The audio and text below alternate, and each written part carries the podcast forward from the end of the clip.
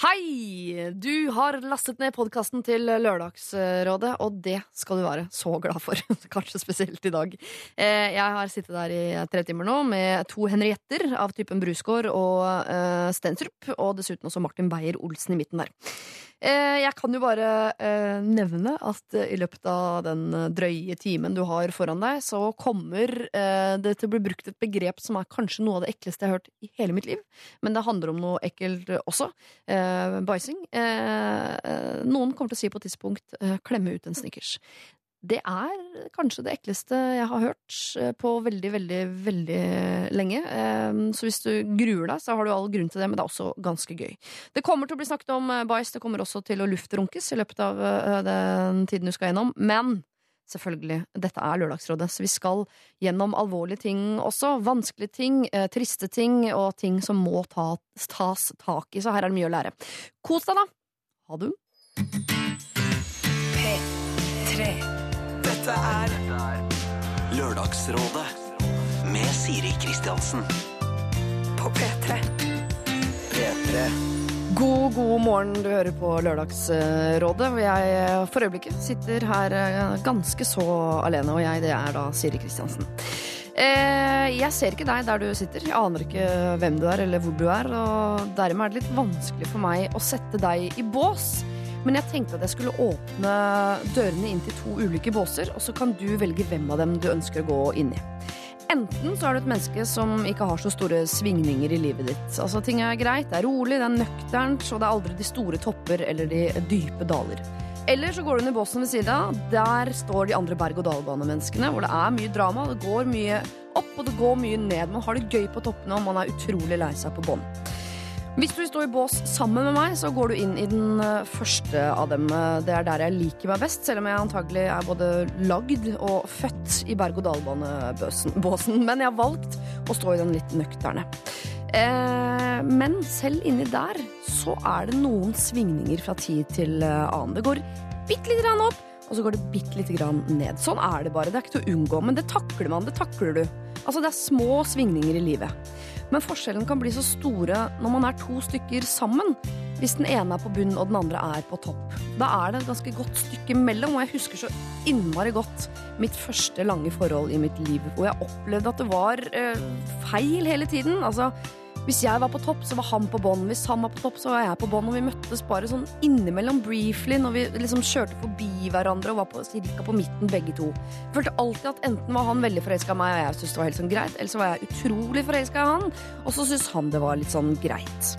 Nå som jeg er sammen med lokføreren, så føler jeg at vi sitter i samme vogn. Humper av gårde bortover på skinnegangen til NSB. Herregud, fyren er lokfører. Dette går så greit. Han kjører jo tog for a living, på en måte, men nå i det siste så virker det som om enten begge, eller han, eller jeg har tatt et steg ut av den trygge vogna og sitter nå i loopen på Tusenfryd og aner ikke hva som skjer. Altså, jeg er på topp, jeg nå, og han er, om ikke på bånn, så i hvert fall der han pleier å være, altså midt på. Jeg føler meg mer forelska enn han om dagen. Og så strekker jeg meg da, men jeg får ikke tak i han, og så gir jeg opp, som jo de fleste gjør. Og dette her hvis ikke du har opplevd det, kan jeg fortelle at det er ganske vanskelig, fordi man gir opp så fort. Man sitter da og bare skuler, man sitter og lurer, man sitter og venter og tenker skal han ikke snart si noe pent, eller skal han ikke bare massere føttene mine snart, eller skal han ikke gjøre noe ekstraordinært for meg? Og tida går så utrolig sakte når man sitter oppe i hjørnet sitt under et pledd og skuler bort og venter på å bli massert, eller venter på blomster, eller venter på en telefon. Og så spør man da til slutt fra hjørnet sitt er det noe gærent, eller? Nei, ikke noe gærent. Og det er sikkert sant, det. Men når tanken har planta seg, så er det umulig å komme seg ut av det lille hjørnet sitt. Og han gjør det jo ikke, for i hans hode så er jo alt akkurat som det pleier å være. Så det er jeg som må gjøre noe, og det er så vanskelig å gi når man bare, bare vil ha. Da er det mye lettere å sitte og bare skule og vente. Jeg skal skjerpe meg på dette. Jeg sitter jo og prøver å lære dere at dere, at dere er nødt til å ta litt tak. Nå er det min tur til å ta tak. Vi har en eh, sending igjen her fra Lørdagsrådet før vi tar sommerferie, og det er neste lørdag. Og da skal jeg love deg at jeg skal sitte her, godt planta oppi vogna sammen med min lokfører og være på den strake kurs igjen. Jeg har en uke på meg til å jobbe hardt, hardt, hardt for å få ting på plass. For det er faktisk min jobb. Lørdagsrådet På P3. P3 Faster The People med sin Pump Up The Kicks fikk du her i Lørdagsrådet på NRK eh, P3. Du kan sende oss en mail hvis du har et eh, problem. lralfakrøll.nrk.no. Vi sitter her fram til klokka tolv og løser altså verdensproblemer, dine problemer. Alt opp til deg. lralfakrøll.nrk.no, altså. En som sendte mail hit for noen uker siden, er eh, en som heter Sara, som eh, kunne fortelle oss at hun hadde en utrolig kjip sjef. Altså på den måten at uh, kanskje Hun hadde opplevd det litt, at han prøvde seg litt på henne. Eh, samtidig som han aldri ga henne liksom, de store arbeidsoppgavene. Og når hun kom med forslag, så ble de alltid avvist. Og hun følte seg veldig sånn dårlig behandla av sin sjef. Og visste ikke sin arme råd, altså hvordan hun skulle få han til å se henne og på en måte utnytte seg av hennes ekspertise på arbeidsplassen. Eh, den gang eh, da så hadde jeg eh, Gunhild Dahlberg her som rådgiver, sammen med Terje Sporsem og Alejandro Fuentes, og de ga mange råd. Noen av de skal du få eh, her. P3. Du må, du må ut av denne situasjonen. Hun må slutte jobben, rett og slett. Det er det hun må gjøre. Så kan han, eh, sjefen sitte der. Han kommer aldri til å bli bedre, jeg er overbevist om. Det er sikkert som han har gjort en dritt, så du må gå rett i kjernen. Jeg liker at du er så aggressiv. Ta med fyrstikker. Si yippee motherfucker. Nå har jeg faen meg fått nok av dette her eh, tøvet ditt. Nå stikker jeg til Amnesty International. Så kan du sitte her og, og runke og tøve. Du må ligge med sjefen eller slutte. Det er de råda vi kan komme med nå, da. Ja, eller si 'jeg vet at du er forelska i meg'. Og hvis han ikke er det, så har den hvert fall begynner hun å psyke han ut. Ja. Og til slutt er det han som forsvinner, for han tror hun er gæren. Og hele organisasjonen må omstruktureres. Så blir det en prosess som varer i tre-fire år, der de må leie inn eksterne konsulenter og sånn. Ja. Men jeg likte med det. Og standupere for å få opp stemningen. Ja, ja, ja, ja, Sommerfest, da. Dette er Lørdagsrådet På P3. P3 Resten av rådene og de mer seriøse rådene også kan du få hvis du laster ned podkast eller går inn i din eh, radionettspiller, altså.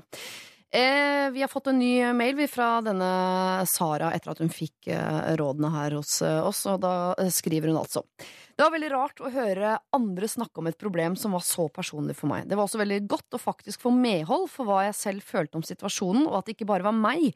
Eh, Den sympatien og hjelpen var etterlengtet. Jeg har lekt med tanken om å ta med fyrstikken og stikke den forskjellige steder, men det trengte jeg ikke. Jeg er nå blitt et levende bevis på at hardt arbeid og pågangsmot lønner seg. To dager før dere tok opp dilemmaet mitt, fikk jeg en telefon med et jobbtilbud om en megabra jobb i samme organisasjon. En stilling som er langt vekk fra min gamle sjef. Jeg jobber nå på nivå med min gamle avdelingsleder, mye bedre lønn og masse hyggelige kollegaer som betror meg masse deilig ansvar, og det føles fantastisk. Gråting og panikkanfall har blitt byttet ut med latter og viktig hvisking i gangene, og jeg har en sjanse til å få den karrieren jeg har drømt om. Men best av alt er at jeg aldri mer trenger å samarbeide med den idioten av en sjef. Morgenen dere tok opp dilemmaet mitt, lå jeg faktisk i sengen. Litt fyllesyk etter å ha feiret den nye jobben med mine kollegaer dagen før. Med kaffekappen i hånda felte jeg en liten tåre da jeg hørte min egen fortvilelse i det jeg hadde skrevet, og sympatien fra dere. Jeg vil si spesielt takk til kule Gunhild og Terje. Jeg kan resonnere i mye av det de sa, både i forelskelsespoenget, som faktisk kan stemme veldig godt, og spesielt Gunhild sin strenge stemme som mente at jeg burde ta eh, en avgjørelse for ikke å bli utbrent. For jeg var virkelig på vei nedover. Det var også godt å få vite at sjefer er duste mennesker som har rigget seg til, og det er unødvendig å prøve å få medhold i personlige saker. Mitt nye ordtrykk på jobben nå er yippee motherfucker. Det representerer mitt personlige pågangsmot og, at, og alt drittet jeg har vært gjennom. Hvis jeg noen gang blir ordentlig sjef, skal jeg aldri overkjøre mine ansatte på den måten min sjef gjorde med meg. Når Lørdagsrådet-koppen kommer i posten, skal det bli godt å få plassert, eh, nye, plassert den på min nye pult, og alle kan lure på hvorfor jeg har den. Det vil få bli min hemmelighet. Eh, hilsen Sara. Det er godt å høre, eh, Sara, at alt er mye bedre, selv om det er vanskelig for meg å ta eh, spesielt mye kred for akkurat den forandringen i ditt liv. Men samme av det, du har det bedre. Det er vår mission her i Lørdagsrådet. At du, altså du, skal ha det bedre i livet ditt. Send inn problemet ditt, altså. lralfakrøll.nrk.no. P3 Tied Up var dette her eh, Casey Veggies, og du hører eh, fortsatt på Lørdagsrådet, hvor jeg eh, nå ikke lenger sitter alene og har fått mine tre gode hjelpere med meg.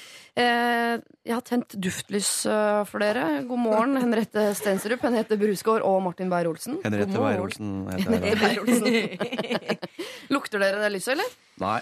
Jeg er lukter sommer ikke. for kjøla. så jeg er også sommerforkjøla, dessverre. Ja, jeg skulle ønske at det var bare for hygge, men eh, da jeg kom hit i dag morges, så luktet det sånn dødt fjærkre her inne, så jeg mistenker at det ligger en due og råtner her et eller annet sted. Mm. Så jeg prøver å kompensere med noe sånn uh, lakrislys, eller hva- jeg vet ikke hva det der skal lukte. Så hvis det blir, hvis det blir kvalme Mm. nå fram mot klokka tolv, så si fra. Jeg skal jeg skru det av? Henriette Brusgaard. Ja, det er fare for at jeg faktisk, hvis det fjærkreet trer inn i nesegangene, så kan det bli eh, Kan bli småkorn? Jeg skal si fra. Ja, kjempebra. Dere har dere sommerferie? Ja. Ja. Ja. Jeg kom hjem fra Sardinia i går kveld. Ja, du er brun. Å ja. Brun og digg. Var, hvis ikke du hadde avbrutt meg, så hadde jeg sagt brun og digg, selvfølgelig. Hvordan var det der? Det var kjempefint. Det var retro riviera, veldig mye pasta, pizza, bading. Ja. Var en retro-riviera? Nei, Altså, litt sånn slitent, fint sånn Du hadde lyst til å gå med kjempestor sombrero hele tiden, og lang kjole. Ja. Pleier ikke å gå i lang kjole. Fikk lyst til å gå i lang kjole i Italia. Parasollene er ikke helt nye. De er fra 80-tallet. Ja, det er veldig ja, koselig. Og du da, eh, Henriette? Jeg kommer til å blande Brusgård og Stenstrup, og det kommer til å gå i en evig smørje. Ja, Ja, har vi har hørt det før, vi. Ja. Det skjer Jeg har vært stadig programleder for Alt for Norge mange ganger. Ja. Og jeg har vært edel, edel Hammersmark Jervan. Ja, du har det. Ja, ja. Funker Det Det tar jeg som et kjempekompliment. Jeg har bare, jeg vikar, det er digg. Du vet. Men du har ikke vært på noe ferie ennå? Nei, jeg har ikke det. Vi driver og pusser opp, så mm, det blir egentlig ikke noe ferie. Eller jo, det gjør det jo, for jeg har akkurat bestilt en tur til Tyrkia ut i august. Ja, Tyrkia de nemlig har akkurat pussa opp. Jo, men Hvis du ser i feriekataloger, og sånn, så ser man at sånn eh, Sardinia og sånn, der er det liksom en 15 år siden de tok et malingsstrøk. Mens Tyrkia de er på ballen. ass. Der er det, veldig oppløftende. oppløftende. det er jo ikke veldig sjarmerende, men det er utrolig nyoppussa der, da. Ok, Er det ikke sjarmerende i det hele tatt? Jo, det er kanskje litt sjarmerende. jeg har bare vært der én gang. Det er veldig sånn- bra badevann. Ja, Jeg hørte at det, er sånn, at det Det er det. er helt grønt. Ja. Ja. Det er jo ikke vannet som er grønt, da, men anyways. Mm. Nei, det er sånn konditorfarge som de heller ut. Sånn giftig litersvisj. Så man sier det. Det er helt grønt vann. Ja, er det det? Hva med deg da, Martin? Du, jeg har ferie. Har vært eh, i Florida, United States of America. Yeah. Mm. Med, med kjæresten? Mm. In Miami? Da har vi vært, ikke Miami, men på andre sida. Da har vi vært på sånne keys bortetter. Vi har eh, bodd på resorts. Vi har sett etter hai. Så delfin. Heldigvis ikke hai. Bada, bada masse. Hvordan ser man forskjell på hai og delfin? Det er i gapet rett før han angriper deg, så er det pluss eller minus. Nei, nei, nei. Det svømmer, altså, haien svømmer øh, øh, med halen vannrett. Delfinen. Mm. Men den gikk opp og ned. Ja. Oh, ja, okay. Nå har ikke han haien litt større finne? Ikke nødvendigvis. Ikke nødvendigvis. Man må se på svømmemønsteret. Hvordan de beveger seg. Som en, uh, Men er de så like ellers? Som en S eller som en A ja, som en havfrue ah. eller som en slange. Ja, ikke sant? Lager haien de samme lydene som delfinen nå? Eh, nå skal jeg prøve meg på de som Jeg trakk meg sånn akkurat i tide. Eh, Jeg vil nei, si nei. Jeg vil tro nei. Nei, nei, det gjør ikke det. Jeg skal kan så mye om dette. Ja, jeg skal ikke begynne sånn delfinkunnskap. Da blir jeg så nerd. Du er god. Herregud, ja, jeg er kjempegod på delfinkunnskap. jeg har ikke tatovert noen delfinmos. da Jeg Det er ikke en sånn type kjærlighet jeg har til dyret. Det er mer sånn innvortes. Jeg har lyst til å dissekere osv. Ok. Dere, Vi skal ta en runde på sivil uh, status. Og jeg begynner med den som har uh, den deiligste nyheten å bringe uh, til bords. eh, Henriette Brusgaard. Ja. Hvordan er det med sivil status om dagen? Nei, Du tenker på at vi pusser opp? Først og fremst ja, men også Vi pusser opp på mange måter. Ja. Eh, Så jeg er gravid også. ja gratulerer. Tusen takk. Det er veldig gøy. Ja, det er gøy. Gratulerer. Tusen takk. Ja, nå er det sånn at det syns også. At Ja, det er ja. liksom graviditet om bord. Ja, du er ikke bare tjukk. Nei. det Eller du er en ikke periode bare der. pizzamage, liksom. Nei. For den pizzamagefasen er litt eh, lei, faktisk. Ja, men den er det. Ja. Og folk vet ikke helt hva de skal si. Har du lagt på deg litt, eller? Nei, men det er veldig ålreit. Jeg koser meg. Ja. Eh, Nå driver den og romsterer rundt, og jeg syns det er artig. Ja. Liksom fascinerende. Men Har dere kjøpt rekkehus godt, liksom all in rekkehus og grill og platting, og er dere der, liksom? Eh, ja. Shit, ass! Vi, ja, eller vi har ikke kjøpt plattinga, da. Den fulgte med. Ja, jeg skjønner. Så vi har jo på sett og vis kjøpt den, men den fulgte med. Så deilig. Det er tidlig, ja. Det, kan- er det det? Med Så jeg er 33 Så er det helt perfekt, da. Søsteren min var 29 da hun fikk platting.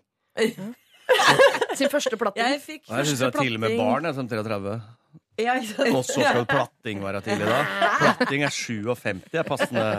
Jo, men det er sant, for jeg satt i hagen i går. Jeg satt i hagen, skjønner du. Det høres Ja, ja. helt rart ut. Med mindre du flytter sånn- til Son, da må du ha platting når du er 18. Da jeg var liten, så tenkte jeg at liksom folk som har platting og hage, de er 50 50 år. De er 50 år. Mm. Kidsa mine skal få platting til komfen. Sånn er det bare. Sånn er det i Follo. Ferdigplatting. Mm. Åssen er det med deg, eh, Martin? Og sivilstatus? Sambo.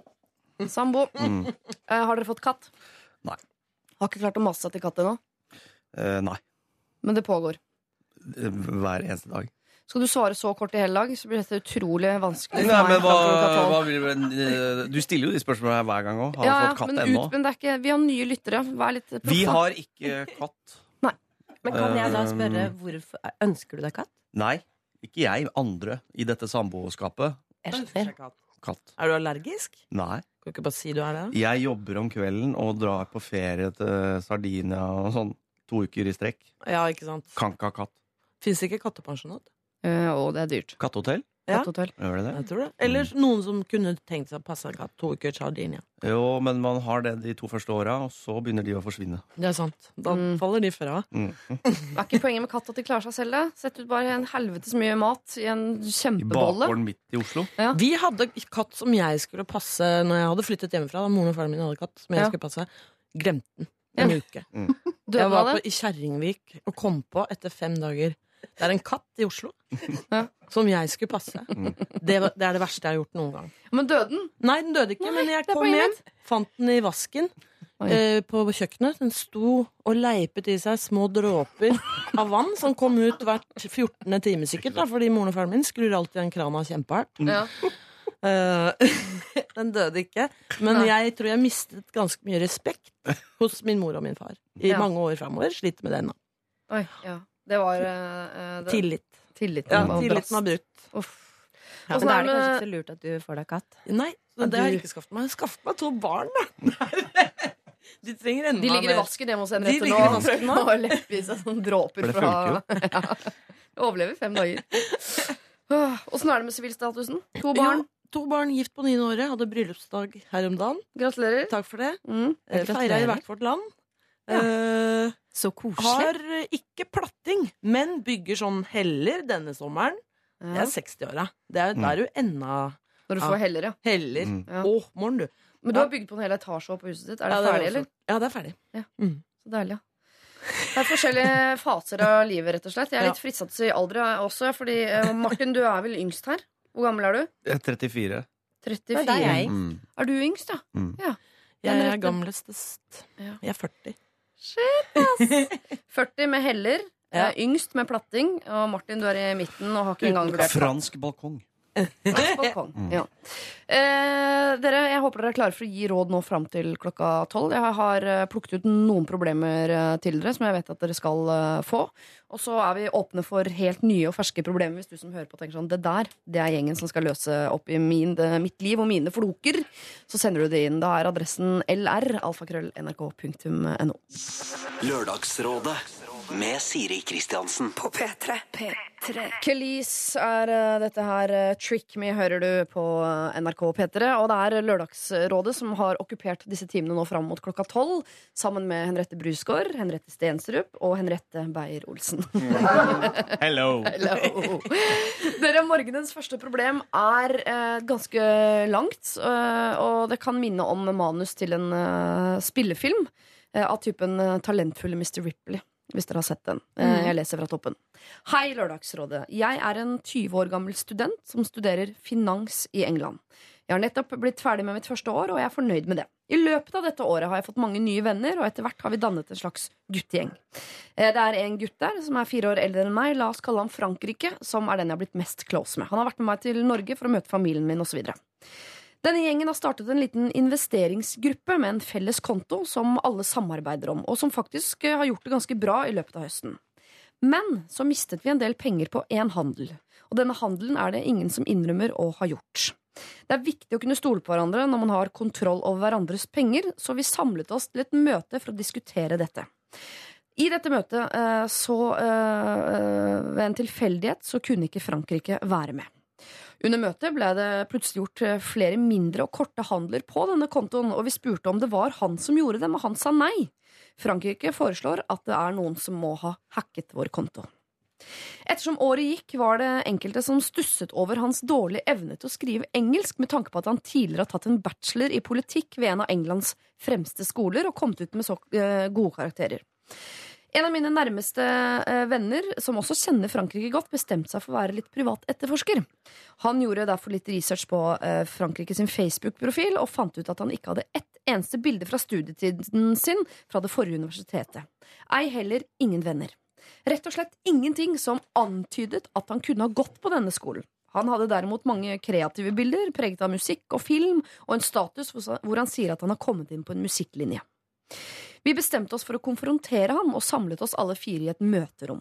Vi startet med å fortelle at vi hadde grunn til å tro at han har løyet om livet sitt, og vi ga han en sjanse til å innrømme det.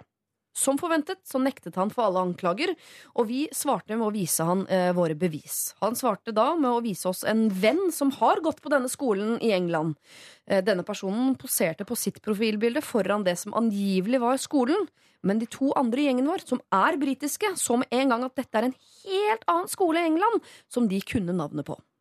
Senere samme dag sendte han ut en lang melding til flere av våre felles bekjente på campus om at vi hadde konfrontert ham. Han skrev at de hadde tvunget han til å ringe sin forrige skole for å bevise at han hadde gått der, og han presterte til og med eh, å si at vi hadde tvilt på om søsteren hans eksisterte, om eh, faren faktisk hadde dødd.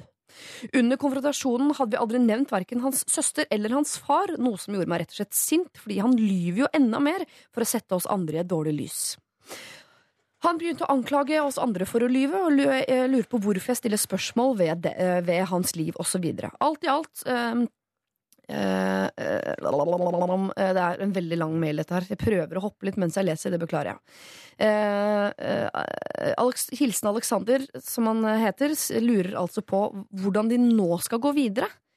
Nå har de konfrontert han med mange løgner i sitt liv, og jeg kan fortelle at det er flere løgner. Det var en eh, eh, to siders roman, dette her, med ting han har sagt som viser seg å ikke stemme.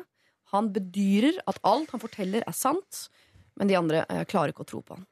Det siste som skjedde, var det konfrontasjonsmøtet før sommerferien. Ja. Jeg syns det lukter litt korrupsjon fra Frankrikes side her. Ja, Altså, det er svindel, tenker jeg.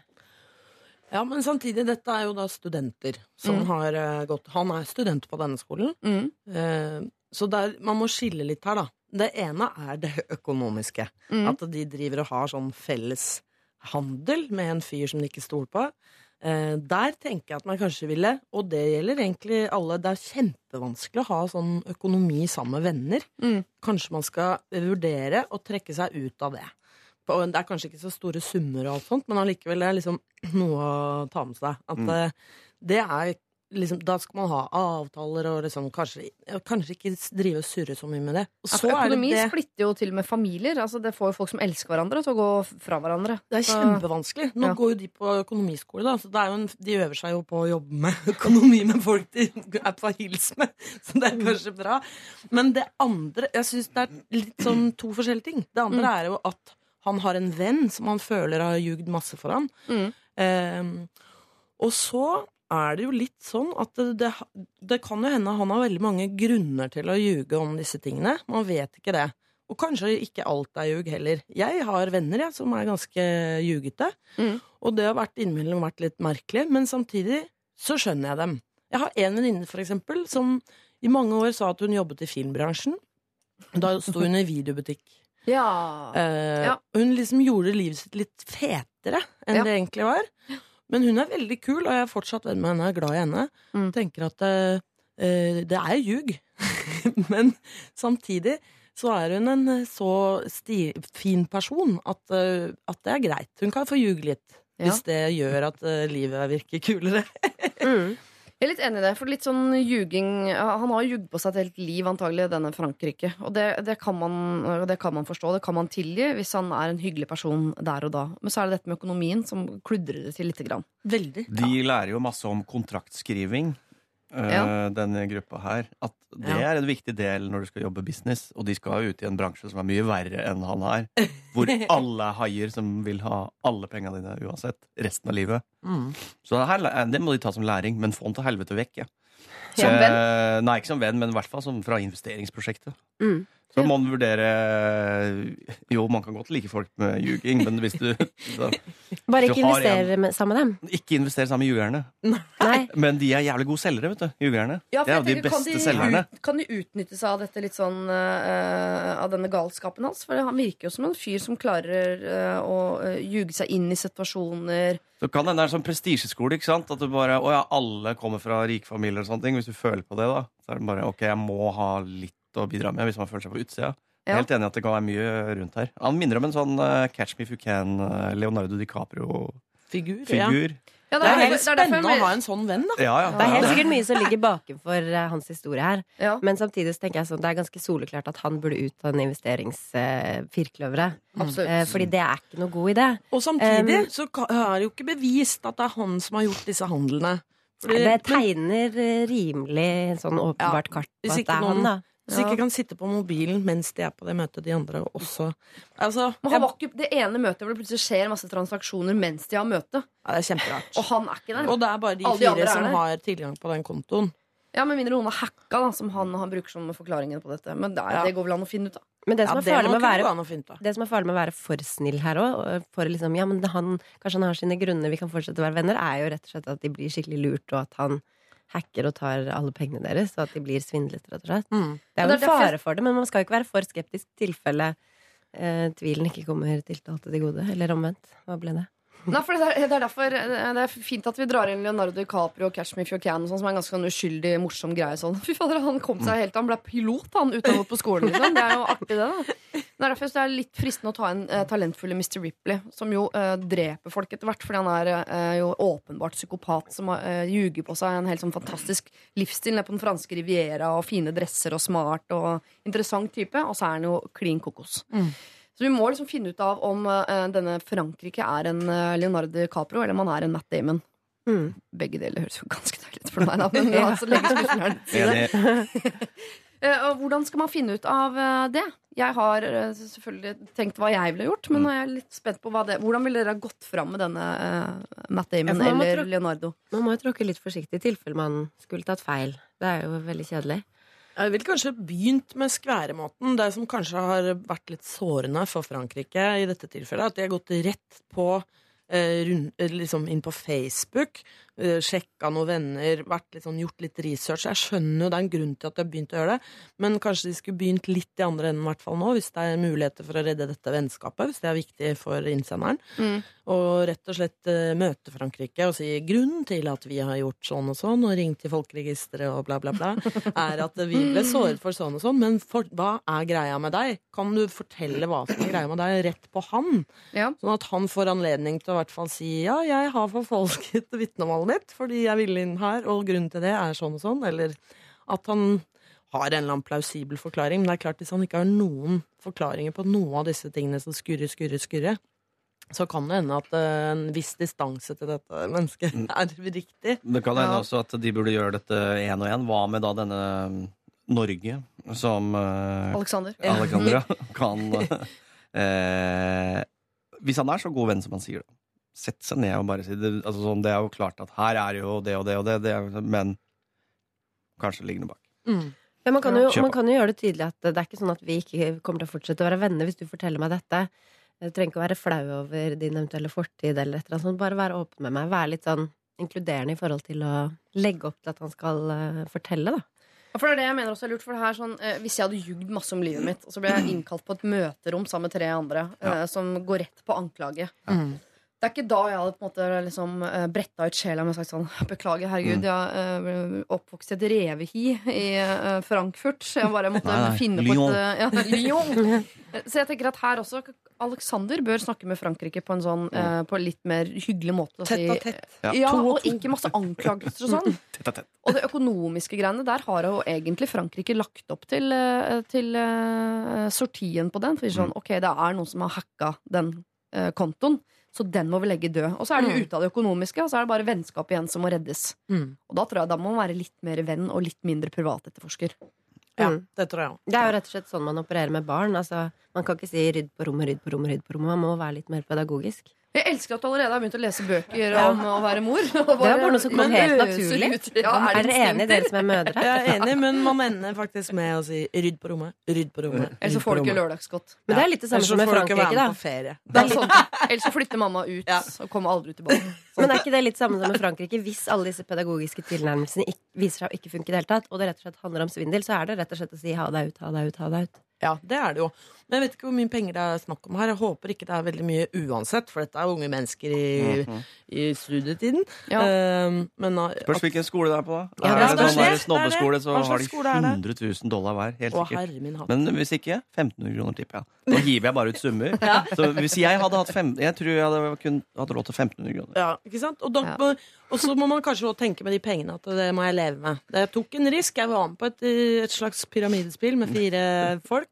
Som jeg kjenner sånn passelig bra. Mm. Uh, de penga er tapt. Snakkast. Ja, tenke, mora, er, det, moderen. er det penger du har råd til å investere, så må du se på det som et pokerlag. Dette kan gå bra, ellers kan det gå skikkelig dårlig, men det var en hyggelig kveld. Mm. Aktig. Det er jo sånn det er. Men et generelt råd fra min side er kanskje å ikke investere penger med folk du ikke Eller egentlig ikke med venner i det hele tatt. Nei, venner og familie og Ikke invester penger, er mitt råd. I noe. Bruk opp alt! Bruk dem! Bruk det. Så vet du. Gå i grava. Ja. Kjøp flatting, platting, kjøp heller, bygg på. Ja, skal du investere i noe, så er det heller. Ja, det er heller. Ja. Eh, Kjære Alexander, alle her er enige om at det økonomiske det må dere komme dere ut av. på en eller annen måte. Det er ikke lurt å investere penger, og dette, dette burde dere vite. Dere studerer jo finans. Eh, Det dere ikke studerer, er jo da eh, mellommenneskelige relasjoner, tydeligvis. For det er når de to verdenene der møtes, at det blir klabb og bab. Det burde vært valgfag på den skolen du går på. Ta nevn det for rektor.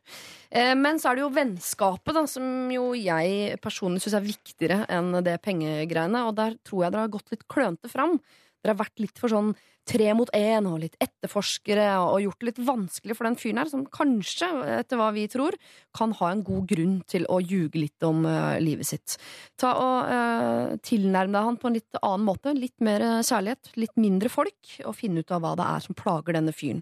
Og så må du finne ut av om han er en Leonardo eller om han er en Matt, fordi hvis han er en Matt, så er dere nødt til å få litt mer eh, distanse. For hvis du har sett hele filmen, det går ikke spesielt bra, det greiene der. Vi skal høre Sandra Lyngvi. Dette her er eh, Play My Drum, og du hører på Lørdagsrådet. P3 Dette er Lørdagsrådet på P3. P3 Jeg har masse unnskyldninger i hodet mitt nå, blant annet til deg, Sandra Lyng. Fordi mens Play My Drum har gått, så har vi nesten ikke hørt på låta til Sandra Lyng. Som fortjener eh, å, å lyttes til, for så vidt. Men vi har bare sittet og, og gått videre på denne Alexander og denne franske vennen. Og hva kan da skje? Tenk hvis, tenk hvis alt er sant, og plutselig en dag så er det tre venner av deg som sier sånn Vi tror ikke på noen ting i livet ditt, og du har lurt oss, og Mm. Det er vanskelig, så jeg må si litt unnskyldning til, unnskyld til han franskmannen nå. Ja, jeg merker jeg får litt dårlig samvittighet for at jeg føler at jeg kanskje var litt hard. For det kan ligge mye bak her. Men Ja. samtidig, man skal følge litt på magefølelsen. Der, de har jo, Alexander og co. har hatt magefølelse på at Ja. her er det noe muff. Og den eh, skal ikke stole på magefølelsen. Men det er en grunn til at de har begynt å tenke på disse tingene. Ja, jeg stoler på magefølelse, men ikke magefølelse du får fordi man kollektivt går sammen i gruppe og mener noe. For da, altså, Hvis du har blitt smitta med magefølelse, den Nei, det står ikke ikke bra. helt på. ass.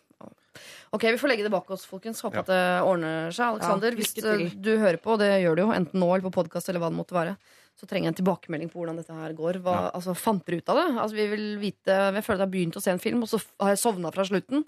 Det orker vi ikke. Vi må vite resten. Og bare et mitt lite siste tips der. En hacker går ikke inn, som de påstår at eh, han franskmannen påstår her. Han Mm. går ikke inn og investerer andres penger i selskaper. Hvis du Jeg bare- hacker inn på denne kontoen og investerer i solcellepaneler. Så det ikke er sånn mindfuck-type. da, som bare Vi, skal- vi Ja. franskmenn er rare, da. Det kan, Ja. Så det er i hvert fall noen ugler i måsen her. ja, det er det, altså. Ja. Men dere, vi skal eh, videre til neste problem eh, denne gangen fra en eh, jente som heter Anneline, som skriver inn her. Rett på sak. De 40-50 år gamle damene på jobben min de liker meg ikke. Jeg er en jente på 24 år, jeg studerer eh, for å bli psykolog. Jeg jobber som ekstravakt på en døgnbemannet psykiatrisk avdeling. Problemet mitt er jo da disse 40-50 år gamle damene som ikke liker meg. De overser meg, kommer med små frekke kommentarer som tilsier at jeg ikke gjør ting riktig, og at jeg ikke må tro at jeg er noe. Jeg er en person med relativt tykk hud, men jeg må innrømme at flokkdyret i meg blir såra av dette. Jeg gruer meg til å gå på jobb når disse damene er på vakt. Jeg må eh, si at jeg er en ganske ålreit person. Jeg er snill og hyggelig mot alle, og jeg gjør så godt jeg kan. Eh, mannfolk og jenter på min egen alder kommer jeg godt overens med. Jeg tenker at disse damene uh, syns at jeg, som den unge jenta jeg er, ikke skal være for høy i hatten, og at de vil vise sin posisjon i rangstigen.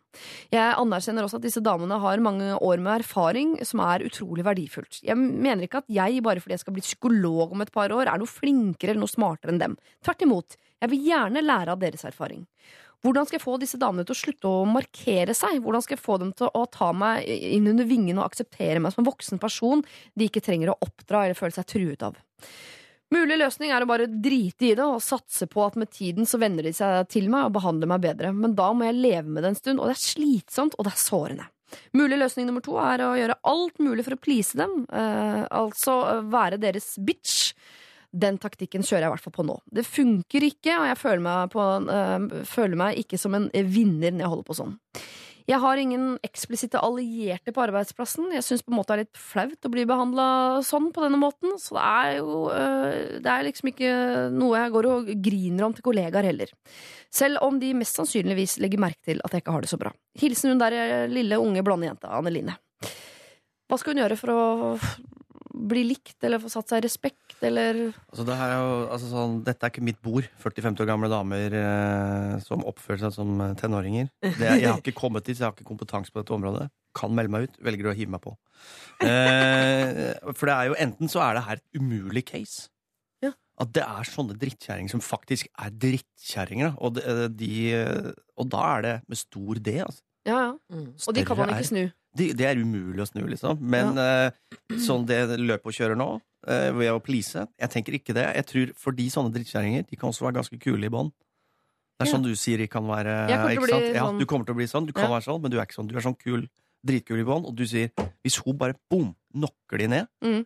Så tror jeg hun blir satt i respekt, og da tror jeg en av de drittkjerringene kommer Fy faen, nå er det bein i nesa på der. Men du mener ikke nokke ned rent fysisk? Du skal Nei. ikke slå det i ansiktet? Jeg mener uh, Vi jobber på psykiatrisk avdeling. Jeg tror ikke de skal gjøre det.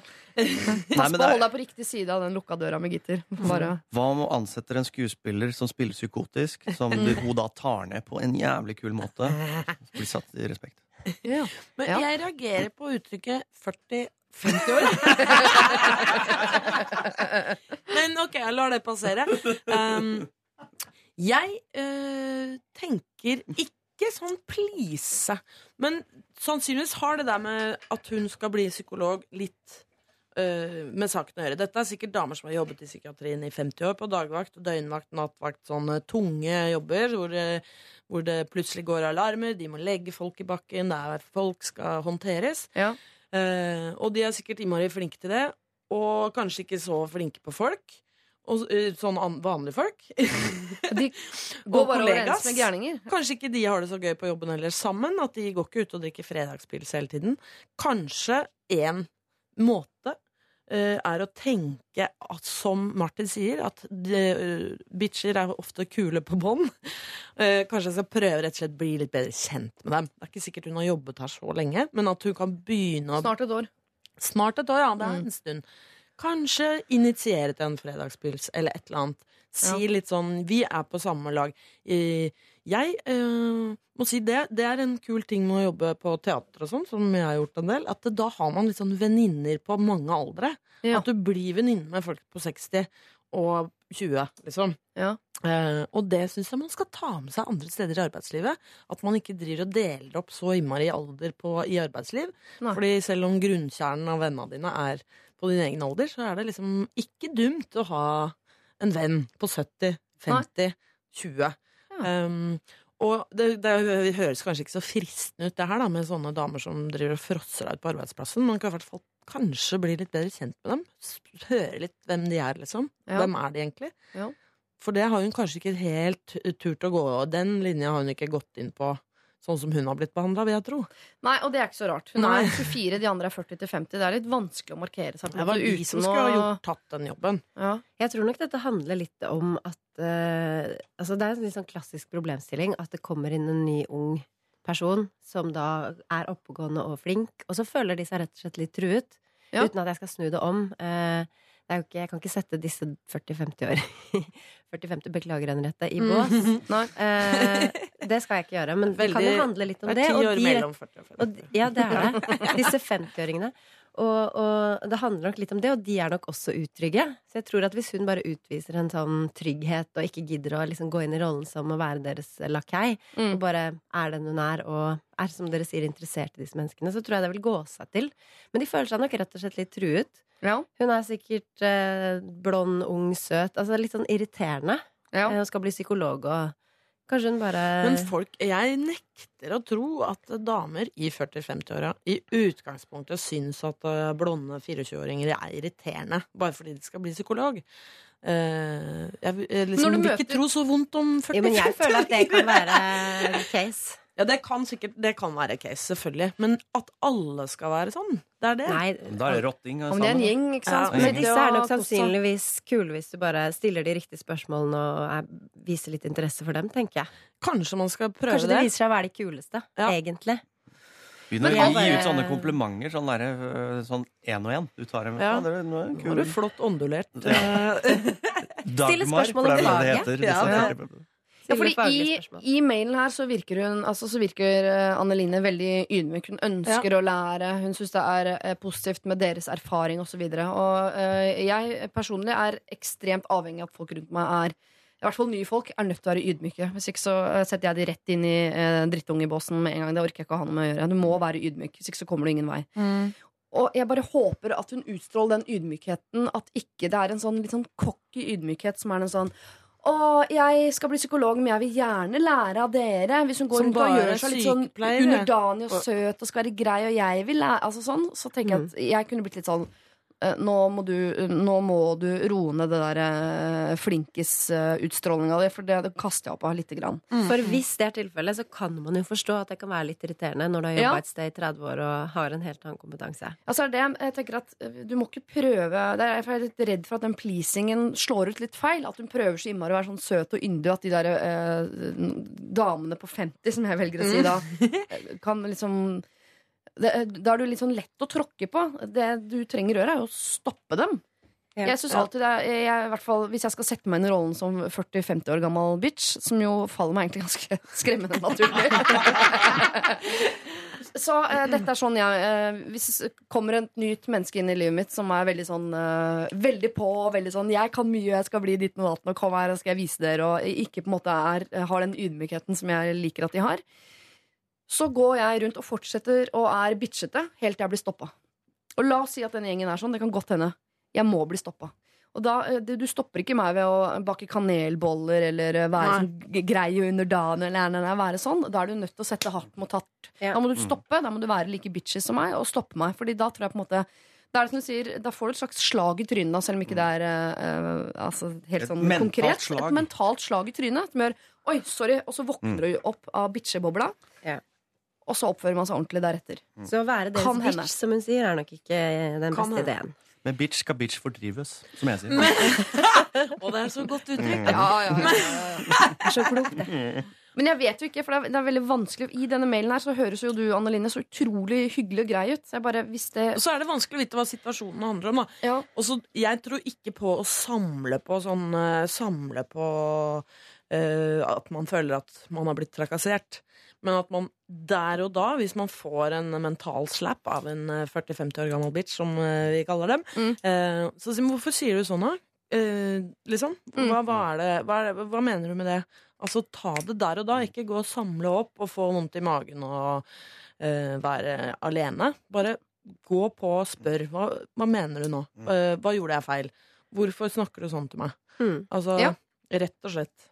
Jeg tror du må på en måte eh, Jeg tror du må unne deg å bli eh, litt hardere, selv om du sier at du er hardhuda i det hele tatt. Jeg tror du bare du må eh, bruke deres språk litt, og stoppe de på en måte på deres hjemmebane. Mm. Hvis du vil være flokkdyr og være i denne flokken. Mm. Ah, men det er vanskelig, da. Det kan hende også at det der liten sånn fredagspils også kan hjelpe. En kombo der, kanskje? Ja. Litt sånn i situasjonen. Ikke være redd for å snakke med folk i situasjonen når det skjer, sånn som i barneoppdragelse. At man ikke sånn tre uker etterpå sier sånn 'Din datter var ikke hyggelig for tre uker siden'. Man må si det der og da, når Ja. det skjer. Og samtidig skal vi gå og ta en fredagspils. Ja. Ikke med datter der, da. Nå blander jeg to veldig forskjellige To forskjellige verdener. Jeg syns det var et godt råd. eh, Jeg er enig i det. Så Bare det du prøver prøver å si, er gå ut og drikk øl med små barn. Er det det vi ender opp er det Er det der vi ender opp? Vær deg selv, og ikke snakk for mye om det at du skal bli psykolog og alt det der. Fordi det er jo ikke noe vits. Det er, dere er jo her og nå. Ja. Dere jobber jo på den jobben dere har her og nå. Ja. Eh, om du skal bli psykolog om seks år, det er liksom ikke så viktig, for det kan jo også slå feil ut. Ja. Eh, Det er litt sånn, ja, greit Det er mulig at de tenker litt sånn greit at du skal bli psykolog, men her er det en uh, 90 år gammel mann som trengs å skifte bleie på akkurat nå. ja. Her Ja, snakker så- vi om pølse på lørdagen og ikke kognitiv dissonans hele tiden. Ja. Altså, Okay. bare vær der. Eh, Anne Line, jeg tror eh, Nå kan vi ha lest deg feil i alle bauger og kanter, altså, absolutt. Jeg tror bare at du eh, ikke fortsetter å være sånn underdanig og eh, prøve å please de og sånn, eh, for det funker jo åpenbart ikke. Det sier du jo selv. Eh, Du må sette hardt mot hardt litt, men det må skje der og da, i situasjonen. Eh, Så kan du eh, si fra hvis de kommer med spydige kommentarer, eksempel, så må du ta det der og da. Og så må du samtidig eh, være veldig tydelig på at du vil lære av dem. Du vil høste deres eh, kompetanse. Og da må du be om råd hele tiden, litt sånn direkte fra disse damene. Og så inviterer du på en eh, aldri så liten fredagspils når anledningen byr seg. Dette er P3. James eh, Bay, Hold Back eh, The River. Jeg eh, vet at mange har sånn allsanggen. Jeg har sånn plystreggen i meg, som gjør at jeg har lyst til å plystre til all uh, musikk. Allerede på barneskolen så var jeg helt overbevist om at jeg en dag skulle gi ut en CD som het Siri plystrer jula inn. Den CD-en har fortsatt ikke kommet ut, så nå lages det vel ikke CD-er lenger heller. Men kanskje skal lage meg en aldri så liten profil på Spotify. Hvem vet. Dere, eh, vi har eh, allerede nå prøvd å sette oss inn i rollen både som 24-åring, men også som 40-50-åring. Og hvert øyeblikk så er vi nødt til å sette oss inn i enda flere ting som jeg tror dagens rådgivere ikke er helt sånn rå på. Altså dette med Tinder. Jeg, jeg vet jo ikke, men jeg tror verken Henriette, Henriette eller Martin noensinne har vært på Tinder. Eh, og jeg krysser fingra for at de slipper å gjøre det i framtiden. Men til deg, da, som nå kanskje Kanskje du ligger i senga di nå med en fyr du ikke husker navnet på, og driver og nileter deg gjennom Tinder for å se om du finner profilen hans, så du kan se hva han heter, eller kanskje du møtte en i går som du ikke fikk med deg hjem, eller som du håper du treffer igjen, eller alle de tingene der. Åh, Lørdagsmorgen kan være så mentalt utfordrende eh, når man ligger i sengen sin og tenker over gårsdagen, eller øyeblikket. Vi skal, eh, som du kanskje skjønner, straks en eh, svipptur innom eh, Tinder for å hjelpe en jente eh, på 20 år som er litt usikker. Eh, men eh, ikke før eh, etter at vi har hørt Carpe Diem. Dette her er Toyotaen til Magdi. Dette er Lørdagsrådet på Fikk jeg P3. Toyotaen til Magdi av da dette brødreparet, som jeg liker å si. Carpe Diem. det er fort vekk å tro at de to er brødre, men de jeg tror bare de er veldig, veldig, veldig, veldig gode venner. Eh, hvis du som hører på har et problem du vil at dagens rådgivere skal eh, ta tak i, så send det inn på mail lralfakrøll.nrk.no. Og dagens rådgivere er Henriette Stensrup. Jeg måtte tenke litt nå. Strupp. Strup eh, Henriette Brusgaard og Martin Beyer-Olsen. Eh, er det noen av dere som har profil på Tinder? Skulle vært rart, men det er jo lov å spørre. Ikke Nei. Aldri vært inne og lagd falsk engang, bare for å snoke hva er dette mediumet. Nei, men jeg har vært inne på de som har profil på Tinder, Ja. for å snoke. Er det gøy, eller? Uh, ja, det er kjempegøy. Da sier jeg ja til folk for Mm. andre folk. Ja. Så blir de Er det. Tinder-rape, på en måte? Ja, på en måte. Nei, for det har jeg sett noen gjøre. Det er veldig slemt. For oh, ja. da blir de sånn grove og sånn, og da må de gå av Tinder, fordi de ja. er, det er skam for resten av livet, og så det skal man være veldig forsiktig med. Skjønner, skjønner, skjønner. Ja. Jeg fikk snoke på uh, Tinder-profilen til en venninne idet vi ankom København. Og det var en folkefest i alle mine etasjer, for å si det mildt. For der, altså Så mye heite danske single menn der. Så hvis dere blir, jeg håper ikke dere blir single noen gang. Eh, og jeg snakker også for meg selv, men da er det å dra rett til Kjøben og logge seg på Tinder. Og eh, plukke smågodt. Jeg òg var på Tinder i Kjøben med en venninnes eh, profil og sa yes, yes, Hot, yes. hot, hot, hot, Yes, hot, hot, yes, hot, yes. hot, hot, hot. Jeg har For, på hennes vegne. I Helsinki og mye bra damer. Er det det, eller? ja, ja. Men de er så bra eh, på Island, tenker jeg. For det er et sånn, eh, for, ah, ah, du får hele, hele Island kommer inn på eh, Mm. GPS-en, på en måte, for alle er i nærheten. Ja. Så du vet at uansett hvor heit han fyren her er nå, så er han rett i nærheten av meg. Og der er folk veldig flotte, er det ikke det? Jeg har ikke vært på Island. Jeg bare hører rykter om at eh, i hvert fall damene er pene der. Ja, jeg tenker at alle ser ut som han eh, Fra Mot i brøsta. jeg. Hjelp meg. Nils Hæ? Vogt. Nei, ikke din fukt. Uh, Sven. Nordin. Sven Nordin, ja. De sitter en hel øde øy full av din fukt. Nightmare! Problemet er La oss ikke håpe det. Ok, vi Nei, men jeg har bare hørt at det er sånn sted man drar på guttetur. Liksom Til Island. For Ja. å være på Tinder. Nei, for, eh, fordi det er pene damer der. Men Ja. ikke vet jeg. Det er i på Island jentene ser ut sånn som folk tror at vi ser ut i Norge. Og så gjør vi jo stort sett ikke det, da. Mm eh, selv om noen av oss gjør det. Dere Henrietter for eksempel gjør jo det, da. Ikke sant? Ja. Blonde og flotte og de greiene der. Eh, dere, Vi skal inn på Tinder, det har dere skjønt. Det er kjempebra. Eh, det er en jente på 20 år som er usikker på om hun skal være megahappy eller supertrist. Jeg tar det fra begynnelsen. For to år siden så matchet jeg en fyr på denne Tinder-appen. Vi bare snakket litt, la hverandre til på Facebook, snakket litt til, møttes aldri. Så flyttet jeg til en annen by, og det var overhodet ikke noe kontakt på ca. to år. Men forrige helg så matchet vi på Tinder igjen. Jeg og noen venner ble med han eh, på nachspiel etter byen, og vi ble apedrita hele gjengen.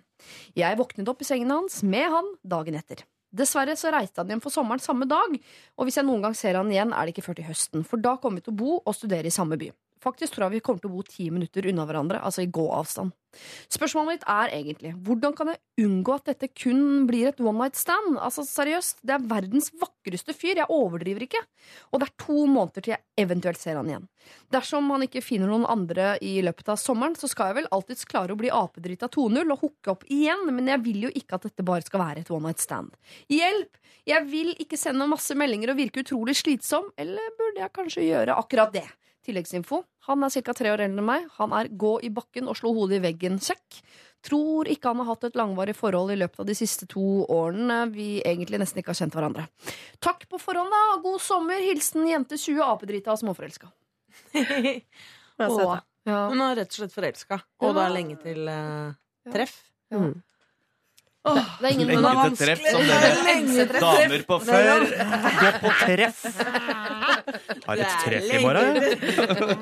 En spenstig type. Lenge til treff. Sentrum.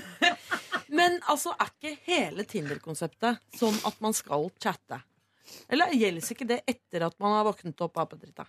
Jeg tror ikke det gjelder etter Nei, da teller det ikke. Å nei, da er det ikke lov å chatte? Jo, da må, men da må du inn What's på en the world annen app. coming to? Da er det, da er det jo Facebook. SMS. Men jeg også trodde Jeg fikk inntrykk av at Tinder var litt mer sånn ryddig sjekketjeneste da jeg hørte om det i starten, men nå har jeg forstått at helt vanlig liksom bare tekste noen for, eh, for en kveld. Ja, men det trodde jeg jo at det var en sånn eh, knulleapp med GPS. Trodde jeg til Det er det jo var i det det er. begynnelsen Men det er jo masse mennesker ute som leter etter Folk, kjærlighet. ja, folk har truffet folk Ja. på Tinder og blitt sammen. Ja, Ja. Men jeg tror også mange forholder seg til det veldig sånn overfladisk. Ja, det kan hende. Ja. Vanskelig å vite hva han her eh, mener, da, for han skulle jo reise. Mm. Eh, Jeg vil, altså et råd uh, vil vel kanskje være å ikke mase og prøve å tenke på andre ting, og så eventuelt, hvis dere møtes igjen en gang, så se hva som skjer da. Prøve ikke å tenke så mye på han, men hun høres jo forelska ut, og da er det vanskelig. Det kan jeg skrive under på. Men det er jo umulig å gjøre noe med det hvis han er bortreist i eh, Peru i to måneder.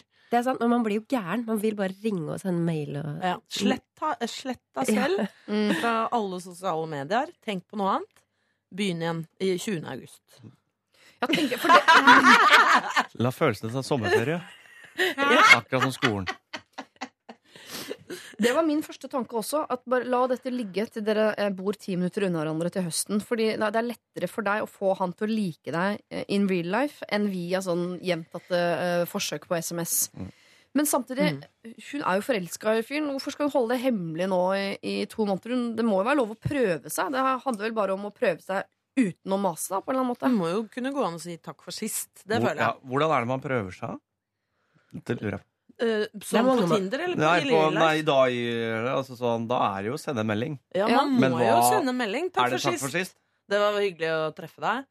Ses til høsten. Men Og du, så ikke Man må ikke ha sånn åpent Man må bare da eh, eh, rette seg inn på at her blir det ikke noe svar. Jeg skal ikke vente noe svar. Så jeg skriver sånn avsluttende, ikke sånn spørsmålstegn. på Jeg likte veldig godt den. Eh, Jeg håper vi ses til høsten. ja, det Ja. var ikke Ikke så dum. Den er Den er, ikke ikke, dum. er Har du plantet nøye Ja, i skallen? et frø. Et frø til så- noe godt. Mm. Ja. Men Ja, det ja. som er farlig, hvis hun gjør som du sier, ja. Henriette, at hun ikke tar med et spørsmål i denne SMS-en, mm. så kan sånn der eh, hysterisk venninning si sånn Ja, men du spurte jo ikke om noe, det er derfor han ikke svarer. Du må jo spørre om noe. Send en SMS til han. Skader jo ikke det. her. hvis han liker deg, så liker han deg. Men- hvis han ikke liker deg, så liker han deg uansett. Så kan du uansett eh, sende en melding, og da har du ikke skada likevel. Så må man bare sende noe som sender Men Og så hvis man du har helt satt spørsmålstegn etter, da blir du sittende og vente på svar. Ja, hvis han Og ikke så svarer er da, han i det et Peru, tegn. da, i jungelen, og er på sånn derre tur i to måneder og holder på med helt andre ting enn å være på apps. Ja. Da, da har hun uh, malt seg selv inn i et hjørne. Han kan ha mistet telefonen i en brønn. Ja. Sannsynligvis har han ikke gjort akkurat det. Jeg syns også det er fristende å si det der send en melding, vær hyggelig og vis at du er interessert og sånn, men jeg er jo redd for at sannheten er så enkel som at du hadde hørt fra han hvis det var noe mer. Eh, En gutt som ikke gir lyd fra seg, er ikke, Ikke interessert. interessert? Er For den sånn? smellen har jeg nemlig gått på flere ganger. Eh, Ja. Og da er det ikke noe vits i å tolke Med flere disse ulike menn, eller samme fyr? Nei, altså, det trenger jeg ikke å greie ut om. Men Nei. det har skjedd. Ja. Eh, hvorpå jeg liksom tenker sånn Jo, men han er jo bare sjenert, og han er jo bare ditt, og han er jo bare datt. For da har du den jabbete venninningen som har sittet og sagt sånn Herregud, du må Ja. Og så går du på. Ja. Ja. Eh, og man er forelska, og man har ikke liksom noe kontroll på det. Men, men det er litt sånn at er det ikke Martin, jeg vet ikke, du har jo Så ikke Det er lenge siden du har vært singel. Men hvis han ikke gir lyd Altså, hvor lang tid er det siden de har eh, snakket sammen? Dette er nå nettopp. Det er nå. Ja, Ja, ja. ok. Jeg Eller så går er det man en masete uker person, sånn som jeg er. Jeg, kan, jeg har mast meg inn hos mange, og da Har du må man bare til ekteskapet?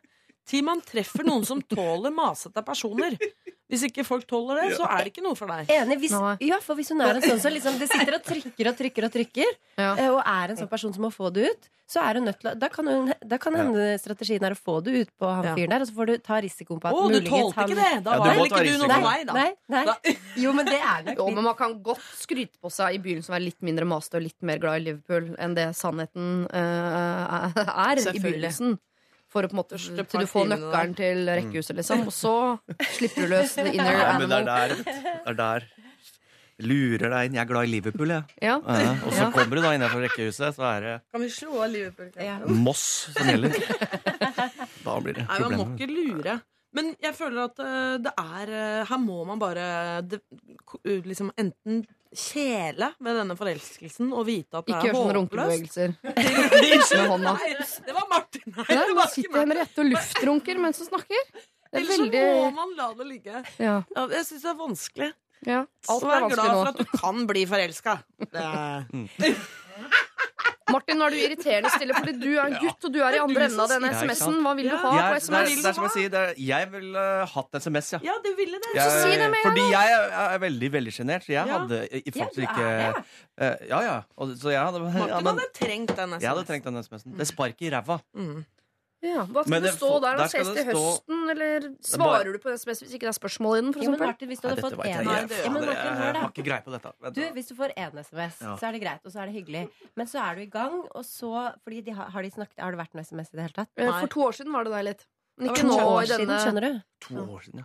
Men det var forrige runde. Ikke bry dere om forrige runde. Det er ny Nei, nei, runde nå. ny Ny runde. runde. ja. Jeg vet ikke. Nei, det er veldig vanskelig. Jeg vil ha en SMS, jeg, så tar vi det derfra. Du, men Skal det stå et spørsmål i den SMS-en, eller vil du bare ha en ses til høsten? Jeg ville nok hatt, Mm. helt personlig da, Ja. en eh, Takk for skisetet mer, men eh, en morsom en. Ja. Med en Ja. felles eh, joke fra Apedritta kveld, hvis man husker noe som helst. Ja. Bare én liten referanse Og ikke derfra. noe spørsmål.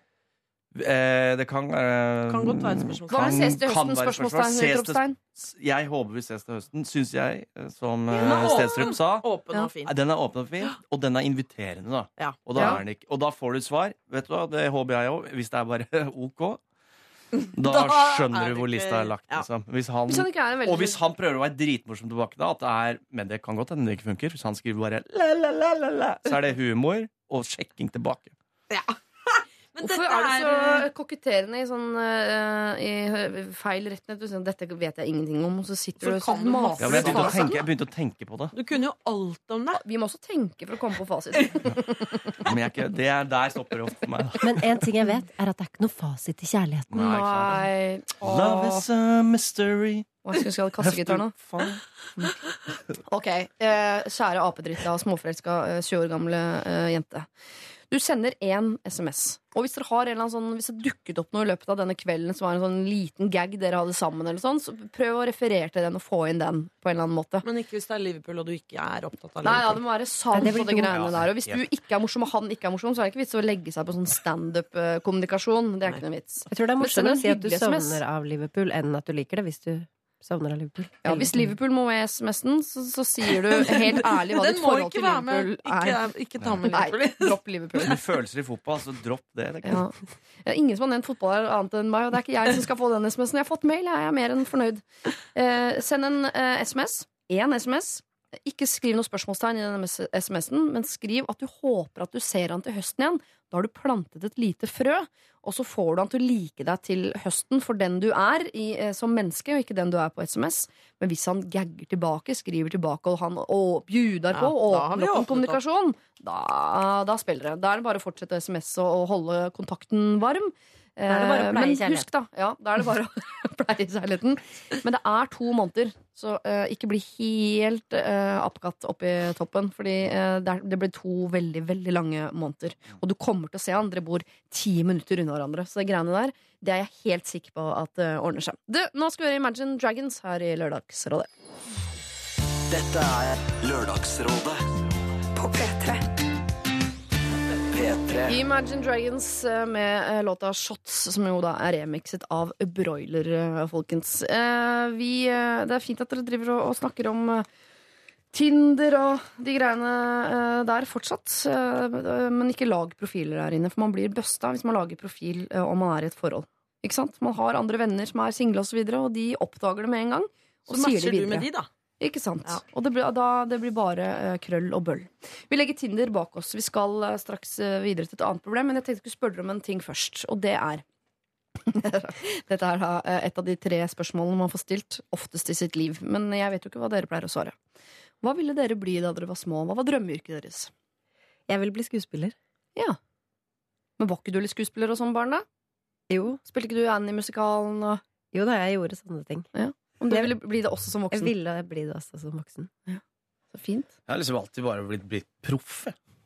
Eh, Samme om det var ishockey Nei, eller ja, det begynte Eller veldig lenge skateboard, egentlig. Ja. Og så gikk det over til snowboard, og så innom kanskje litt basket og fotball og sånn.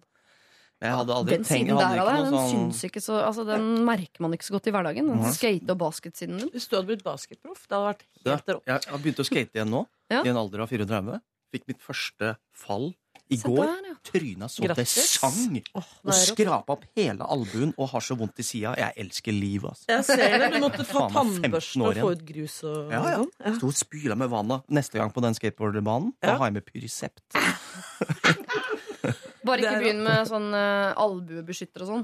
Det ser så knarkete ut. Sorry, Der strider jeg mellom å være mor og Ja. å være menneske. For jeg, når folk sier sånn 'skal vi bruke hjelm', så tenker jeg nå burde jeg svare ja, men jeg mener nei. Skal ikke være helt nerd, eller? Ikke, nei. Hjelm er veldig søtt på barn, og så stopper det. oss. Skal aldri bruke hjelm! Ikke bruk hjelm. Jeg ville bli skuespiller. Det er så kjedelig svar. Og så ble jeg det. Men jeg Sorry. Jeg ble det ikke helt, da. Nei. Jo, men du er en slags, Som programleder er man jo skuespiller selv om man er seg selv, men det er man jo litt i rollene sine. Når Ja, for det er ser ut, som du, ser ut som du liker de folka Ja. du jobber sammen med. ja, ikke sant? Ja, det ser skikkelig Bra skuespill. Mm, Takk, takk. Ja, det har jeg lurt på. Og så ville jeg litt bli profesjonell uh, journalist. Det ble jeg ikke. Nei. Men jeg hadde arbeidsuke i Aftenposten. Skrev notis om savnet katt. Gjorde du det? Close enough. Jeg, jeg var også innom det. Ja. Altså ikke savnet katt i Aftenposten, men uh, journalist. Uh... Jeg lagde tegneserie i Rakstad Avis. jeg. Gjorde du det? Ja. Det er helt rått. Gutten? Hvor mange striper lagde du? Eh, 100, kanskje. Oi, Hva slags gutt var dette? Eh, Du har så mange gutt. talenter, Martin. En, jeg var, ikke, det, bare, det var rare greier. Nei, nei, nei. Det var, en eller annen, som- det var ikke min tegning engang. Jeg bare satt inn Jeg eh, satt han inn i striper. Han var ferdiglagd. Jeg lagde teksten. De ble ofte uforståelige for noen. Og altså for deg. Ja. Også for meg selv. Ja, for du har jo ikke sånn rorba-humor som alle forstår. Nei, det var det jeg prøvde å lære. Det var det jeg prøvde eh, å lære. Klarte ikke. Så jeg kaller det er kunstprosjekt nå. Det skulle jeg gjerne, jeg veldig gjerne sett en dag. Eh, Men tror dere at man, eh, hvis man har en veldig sånn tydelig bilde av hva man vil bli, kan man allikevel bli lykkelig hvis man ikke blir det? Det tror jeg. Det tror jeg så absolutt. Er det noe, er, du er jo lykkelig nå, Henriette Brudskar, selv om ikke du ble liksom skuespiller-skuespiller. Eller har drømmen forandra Ja, seg? det tok litt tid, da. tok litt tid. Føler at jeg er lykkelig nå. Ja. uh, ja, absolutt. Jeg tror for eksempel det for å bli skuespiller, så må du ha et sånn ekstremdriv. Uh, du må liksom søke på skoler om og om igjen, du må ikke gi deg. Du kan ikke tenke sånn åh, det er litt slitsomt. eh. Så det, det ser man jo ganske tidlig. Jeg føler jeg så ganske tidlig at jeg tror kanskje ikke jeg kommer til å bli det sånn på fulltid. Jeg tror man kan bli veldig mye mer ulykkelig av å på en måte bli nest, litt det man drømte om, men så Eller at det ikke Altså at man jobber litt for eh, lenge med det, da. Ja. Ja, for det er egentlig eh, interessant. Blir man mest ulykkelig av å øh, jage drømmen, eller blir man mest ulykkelig av å øh, gi opp drømmen? Av å jage drømmen, tror jeg. Nei, jeg, jeg, jeg elsker jo å jage drømmen. Men, jeg, men jeg, det, er jo derfor jeg, nei, men det er jo derfor jeg holder på med det jeg gjør også. Eh, og komiker. Jeg vil leve av å surre rundt jeg, og prøve å være morsom. Det har jeg klart enn så lenge. Du har det drivet som skal til, da. Det er drivet, ja. Ja. Og det må man ha. Så, å jage drømmen er jo noe av det morsomste man kan gjøre. Men om drømmen er å ja, dette er faktisk umulig Hvis du vil bli politi, hvis det er drømmen, å jage den drømmen, det går helt fint. Ja, hvis du kjenner at drivet ikke er der nok, eh, så skal man- man... ikke jage den drømmen. Nei, nei, da må man, må vite også når man skal slutte. Men Mm. da er det ikke en så stor drøm. Da er det ikke en drøm. Men noen ganger drømmer man om å bli ting som man ikke har eh, forutsetninger for å bli. Ja, jeg drømmer om å bli astronaut. Ja, Jeg elske det, kom, det kommer ikke til å skje, og det, det går fint. Men da ser vi på bilder isteden. Så har vi det lykkelig. Hvem er vi nå, plutselig? Det er alle Martin mine og personligheter. Ok, dere, vi skal hjelpe en uh, jente, eller ung dame egentlig, som har en drøm om noe hun uh, skal kunne bli, og nå har hun muligheten. Men så har det kommet en annen drøm i veien for drømmen, osv. Mer følger altså. Vi skal uh, høre Arcade, Arcade Station først. Dette er Make Me a Bird. Dette er Er P3. Det er Arcane Station som har laget denne Make Me a Bird-låta, men det er altså Marianne Hekkele som uh, synger. Det er, hun som, på en måte, det er henne vi husker fra denne låta. Jeg hørte at det var noe perkusjon der òg, men det er liksom Marianne vi hører. Har en veldig, veldig fin eh, stemme. Nydelig stemme. Jeg elsker når jeg kan si perkusjon. For det Det er ord jeg ikke flott bruker. perkusjon òg. Og nydelig perkusjon. Ja. Ja. Rådgiver i dag er eh, Martin Beyer-Olsen eh, med en Henriette på hver sin side. Eh, representert ved Brusgård og eh, Stensrup. Åh, ikke bare er fornavnene helt like, men etternavnene er litt like òg, for det er mye doble vokaler og Ja. inni der, liksom. Ja. Brus, Ja. ja. Ja, det er rett og slett forvirrende. Og begge er blonde. Og... Ja. Dødsspennende. Ja, det er Helt enig. Det er en sandwich jeg har drømt om i mange år.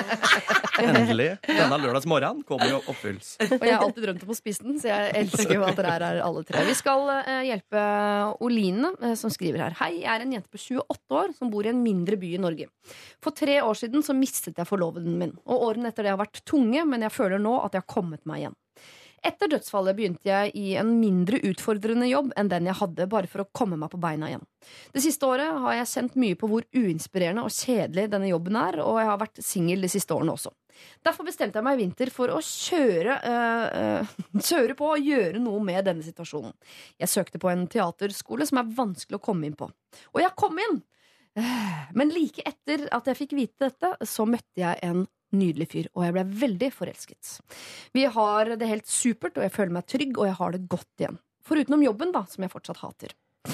Plutselig får jeg alt jeg har lyst på. Både mannen jeg har ventet på, og skolen jeg nå har kommet inn på. Det er en treårig utdannelse i en by langt unna. Og nå lurer jeg da altså på hva jeg skal velge. Forholdet er ganske nytt, vi har bare holdt på i noen måneder, men jeg har allikevel flyttet inn til han allerede. Jeg har selvfølgelig ingen garantier på at dette vil holde, men det føles bra. Og plutselig er jeg ikke så gira på å være student i tre år til, med den økonomiske situasjonen det medfører. Det skal nevnes at jeg allerede har en bachelorgrad fra før. Likevel skjønner jeg at dette er min sjanse til å få kapret drømmejobben i framtiden. Dette er et yrke jeg ikke kan jobbe med i byen jeg nå bor i, og her er det ikke så mange spennende yrkesmuligheter generelt. Kjæresten min sier at han støtter meg uansett hva jeg velger, og han vil satse på forholdet uansett. Jeg har ikke mulighet til å flytte øh, Han har ikke mulighet til å flytte på grunn av barn. Jeg har liten tro på at forholdet vil vare med flere års avstand, så hva skal jeg velge? Karriere med tre års fattig studentliv, eller familieliv med en kjedelig jobb på en plass jeg ellers trives godt på? Hilsen Oline. Altså Her føler jeg at det er to uh, drømmer hun uh, kan velge. Uh, drømmen om denne jobben hun vil ha, eller drømmen om denne mannen i sitt liv. Jeg tenker at hun kan velge begge deler her. For det virker jo som en veldig bra fyr som oppfordrer henne til å gjøre det hun har lyst til å satse på forholdet likevel. Ja. Og til å, altså folk har jo fått avstandsforhold til å fungere før. Når hun har kommet inn på Altså En ting er hvis hun prøver Har å vi prøve på et bevis skole... for det? Hva da? At hun At inn? noen har et avstandsforhold som faktisk har funket over tid? Nei, det er mulig. Og Ronny Brede Aase og Tuva Fellmann er i P3. Sier du det? Ja, går som ei kule. Ja, men de er på radioen. De har sikkert møter over radioen. Skype, men det er alle tilgang på Skype. Ja, men det er bra. Ja. Det lover bra. Det er bare det at det styrker saken. At Ja. det faktisk går. Altså I utgangspunktet er jo ikke avstandsforhold noe å anbefale. Nei. Samtidig som vil forholdet gå på sikt hvis hun er en jobb hun ikke trives i? Ja. Og ikke trives i hverdagen sin sånn utover forholdet? For et forhold kan jo ikke være utelukkende liksom, maskineri i din lykke fremover. Man må jo trives med det man driver med også. Mm. Så det er en sånn tosidig Men så er det jo også sånn at eh, hvis hun har kommet inn på teaterhøgskole i en by langt unna, så er ikke det, det er ikke noe garanti, selv om man kommer inn på en teaterskole, at man får jobbe som det som man da utdanner seg for. Det er masse skuespillere som har kjempeflotte utdannelser, som ikke får jobba. Ja. Så det, det Det er er jo en jeg kan bare si det, det er ikke skuespiller. Å nei, jeg ikke syns du sa det! Nei, det er det synes jeg teater, teaterskole, men ikke som det er, skuespiller. ah, jeg skjønner, jeg skjønner. Jeg skjønner. Mm, Ah. nei, Ah. Ja. Ja, Det er alt helt annerledes, da. ja, det er alt litt annerledes. Som Hvilket scenograf. Scenograf. rekvisitør? scenograf Altså, da er det masse muligheter. Kost og mask? Da, Mm. Ja, alle sånne ting er jo Vaffelgruppa. Ja, vaffelgruppa trenger stadig tilfang. Men eh, det går jo også an å eh, begynne si ja takk til skoleplass. Det har hun sikkert gjort allerede. Gå der et år. Ta et år av gangen. Mm. Se, er dette noe som er noe for meg? Dra hjem i høstferie, juleferie, helger. Det er jo åpning for å treffes. Han har barn, så de kan jo sikkert ikke treffes hele tiden likevel. Eh, Så er det ikke sikkert at det er helt ute å kjøre. Så kan man ta et nytt valg etter ett år. Ja. Med litt studielån. Ja. Ikke tre års. Nei, man må ga- gamble litt, da. Ja. Jeg er helt enig i det. For det er to ganske sånn solide drømmer. Enten følg din egen drøm, eller følg eh, en familiedrøm. Mm. Det er to veldig sterke, eh, fine valg. Mm. Det er jo et luksusproblem eh, i verdens rikeste land, så gratulerer med det. For det Nei. skal jo være plass til begge deler. At Ja. man kan få seg Ja. drømmejobben, men også ha mann og barn. Det, må vi jo, det, Det har vi jo eksempler på at Mm. fins. Og så mm. tenker jeg fordelen med han fyren her, da, er jo at han virker jo ganske ryddig. Han har barn, og han har da levd litt. Ja. Og jeg tenker når han sier, når han sier vet du hva, 'dette får vi til', så er han i hvert fall så oppriktig positivt innstilt. Bra type. da. Ja, høres bra ut. Han høres, Høres veldig bra ut. På papiret høres han som en eh, bra type. Han har noe å satse på. Det er mye idioter med unger, så jeg bare nevner det. Det er jo rart å si at han er verdens beste fyr bare fordi han har barn. Det det Nei, men det er fordi han sa jo at han var villig til å satse på forholdet. Ja. Ja. Det er jo ikke alle som ville sagt det. Ja, dette får vi til, har han sagt. Og hadde han vært dårlig til, så hadde han flytta etter. Uten barn. Og bare Ja. ja, ja, fuck de barna. Ja. Men han er der, ansvarsfull, tar Ja. vare på de barna. Kan dessverre ikke flytte, Nei. men du skal gjøre det du blir glad sier han. Det er bra Ja. type. Ja. Men det høres jo ut som en ganske god løsning også med litt avstandsforhold en stund. Nettopp fordi han har barn, så ikke det bare er en sånn dame som hvelver inn i deres liv, og som er der hele Mm. tatt. Hun får en ganske sånn sakte inngang i deres liv. Mm. At hun er der litt, litt, litt uh, helger, og når de er sammen, så er det egentlig bare hygge. Det er ferier, det er helger. Mm. Alle de tingene der. Så hun kommer inn på en ganske sånn hyggelig måte inn i disse barna sitt liv også. Mm. Jeg syns er- det egentlig høres lurt ut, jeg.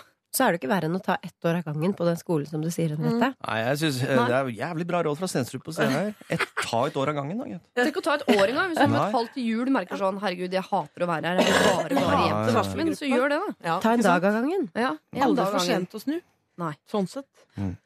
Ja. Og gratulerer med, med to fine muligheter her, Mm. som Men- man kan kombinere. Jeg må bare legge til det som gjør dette litt vanskeligere. For Hvis det hadde vært de tre årene, så har jeg, så har jeg liksom vært 100 med med en gang. Dra, reis, se uh, hvor langt du orker, om det er hele veien ut, eller om det er en uke, eller hva, hva som skjer. Ja. Det som gjør det litt vanskelig, er at hun vet at hvis hun da fullfører dette studiet og får den jobben som hun elsker, så er det også i en annen by enn mannen i sitt liv. Og han kan ikke flytte noe mer om tre år enn han kan nå, så potensielt så er dette tre års avstandsforhold. Det er ikke tre år, det er eh, 13, for de kan ikke flytte sammen før barna er 18-aktig. Nei, men da er det jo også det, det, dette forholdet vart i tre måneder allerede. Ja. Eller ikke mer, da. Så det, man vet jo aldri hva som bringer det heller. Hva morgendagen vil bringe. Og hvis da står på bar bakke en eh, kjedelig by uten, eh, med en kjedelig jobb, uten mann, Ja. Da har du brent alle bruer. Ja, da har du brent litt. Mm.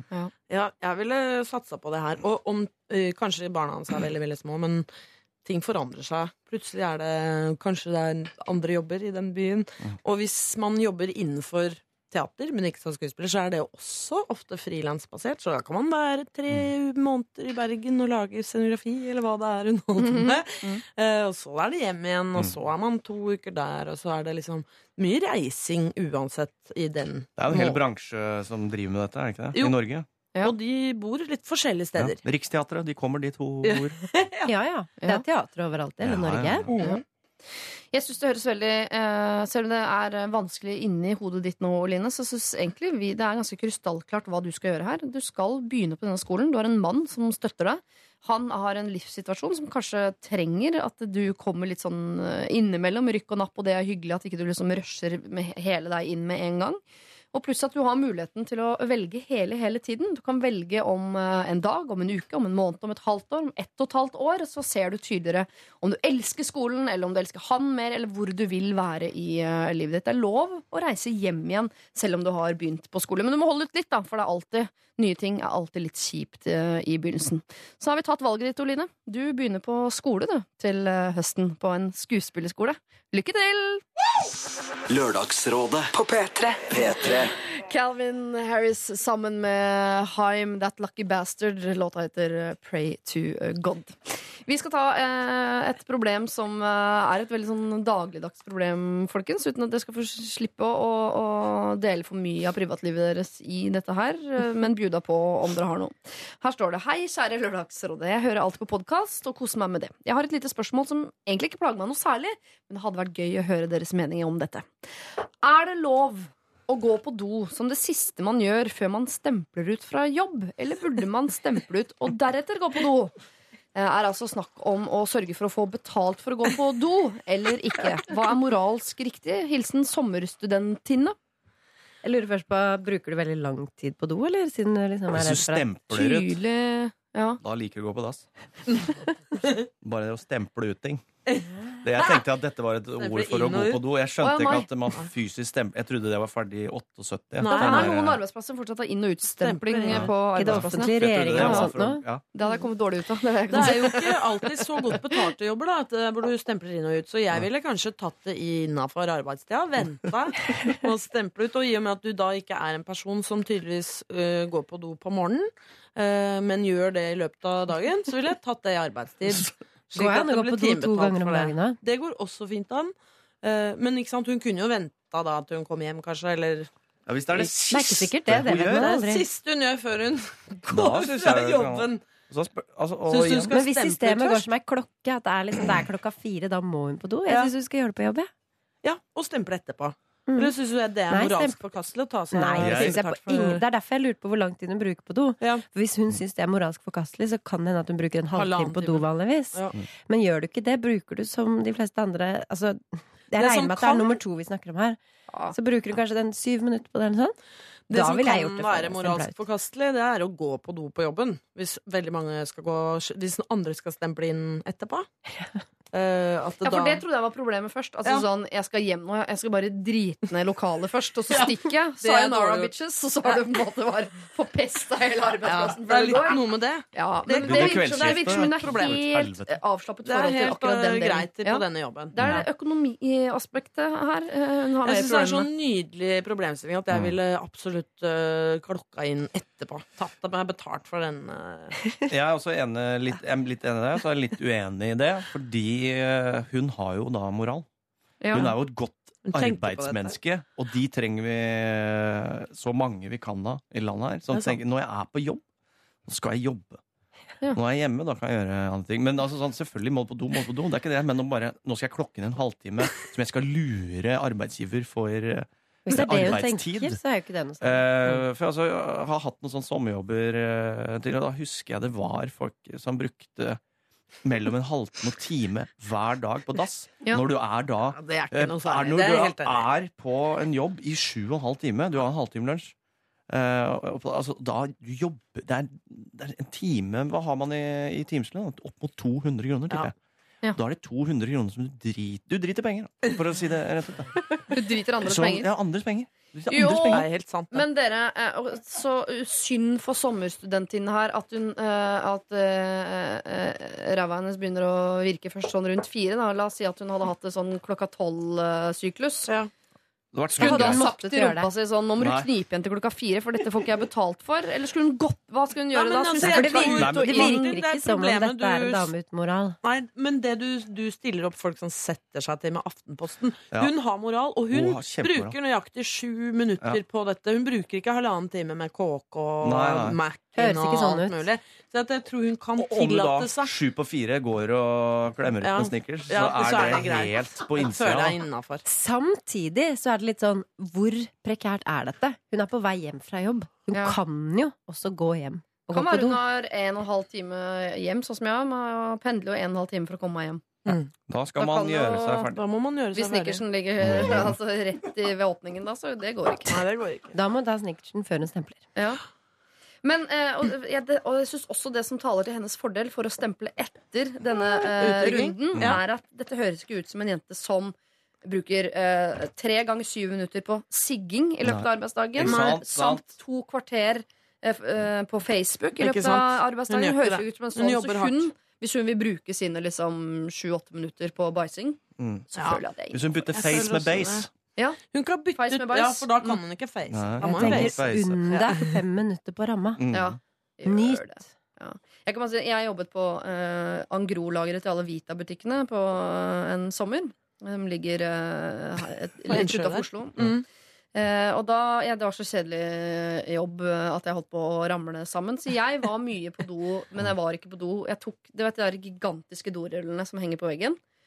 De var stabla, så det la jeg på gulvet som en slags madrass med to i enden. Så da det ble pute, så lå jeg der og sov en halvtime til time hver eneste dag. Er det sant? På dogulvet. Det er det man kaller mangel på moral. Det var ikke null så arbeidsmoral. Det er samme for meg om. Vita-butikkene får parfymen sin tirsdag eller onsdag. Det er jo samme for meg, da. Så eh, her har du litt å gå på, er det jeg prøver å si. Jeg bare setter ramma, på en måte. Og, ja, er vi ikke enige? Jo. Du uh, bytter ut eh, feis med bæsj, Mm. og så stempler du ut etter at du har bæsja, men det går an å feise mens man bæsjer. Ja, det må jeg gjøre. si. Vi er enig. Ja, jeg stopper det der, folkens. Takk for uh, det.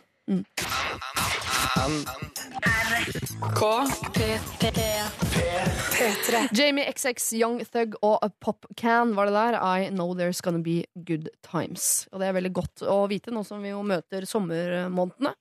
Eh, jeg la fram eh, de klærne jeg skulle ha på meg i går eh, Nei, i dag la jeg fram i går kveld. Og det var et lite skjørt og en, en singlet og noe greier som jeg skulle ha på meg for jeg tenkte det ble varmt. Våknet klokken syv i dag morges. Overskya, så jævla kaldt ut. Måtte gå for plan B inne på et mørkt soverom fullt av menn og unger. Unnskyld, mann og unge. Eh, og da blei det eh, joggebukse og joggegenser. Veldig veldig varmt, kan jeg fortelle dere. Ei heller så veldig veldig stilig. Men det er avbildet på Facebook. Eh, hvis man er interessert. Egentlig skulle jeg kle meg som Henriette eh, Stenstrup, som står ved siden av meg, i nøyaktig det skjørtet og den singleten jeg skulle ha på. Å, det hadde vært Men du sto vel opp en time seinere enn meg, da, antagelig?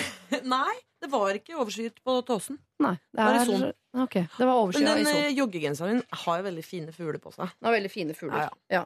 Men eh, jeg beklager altså at jeg står i uh, joggebukse og joggegenser, mens eh, resten av ensemblet har kledd seg for situasjonen. Eh, Henriette Brusgaard i nydelig småblomstrete kjole.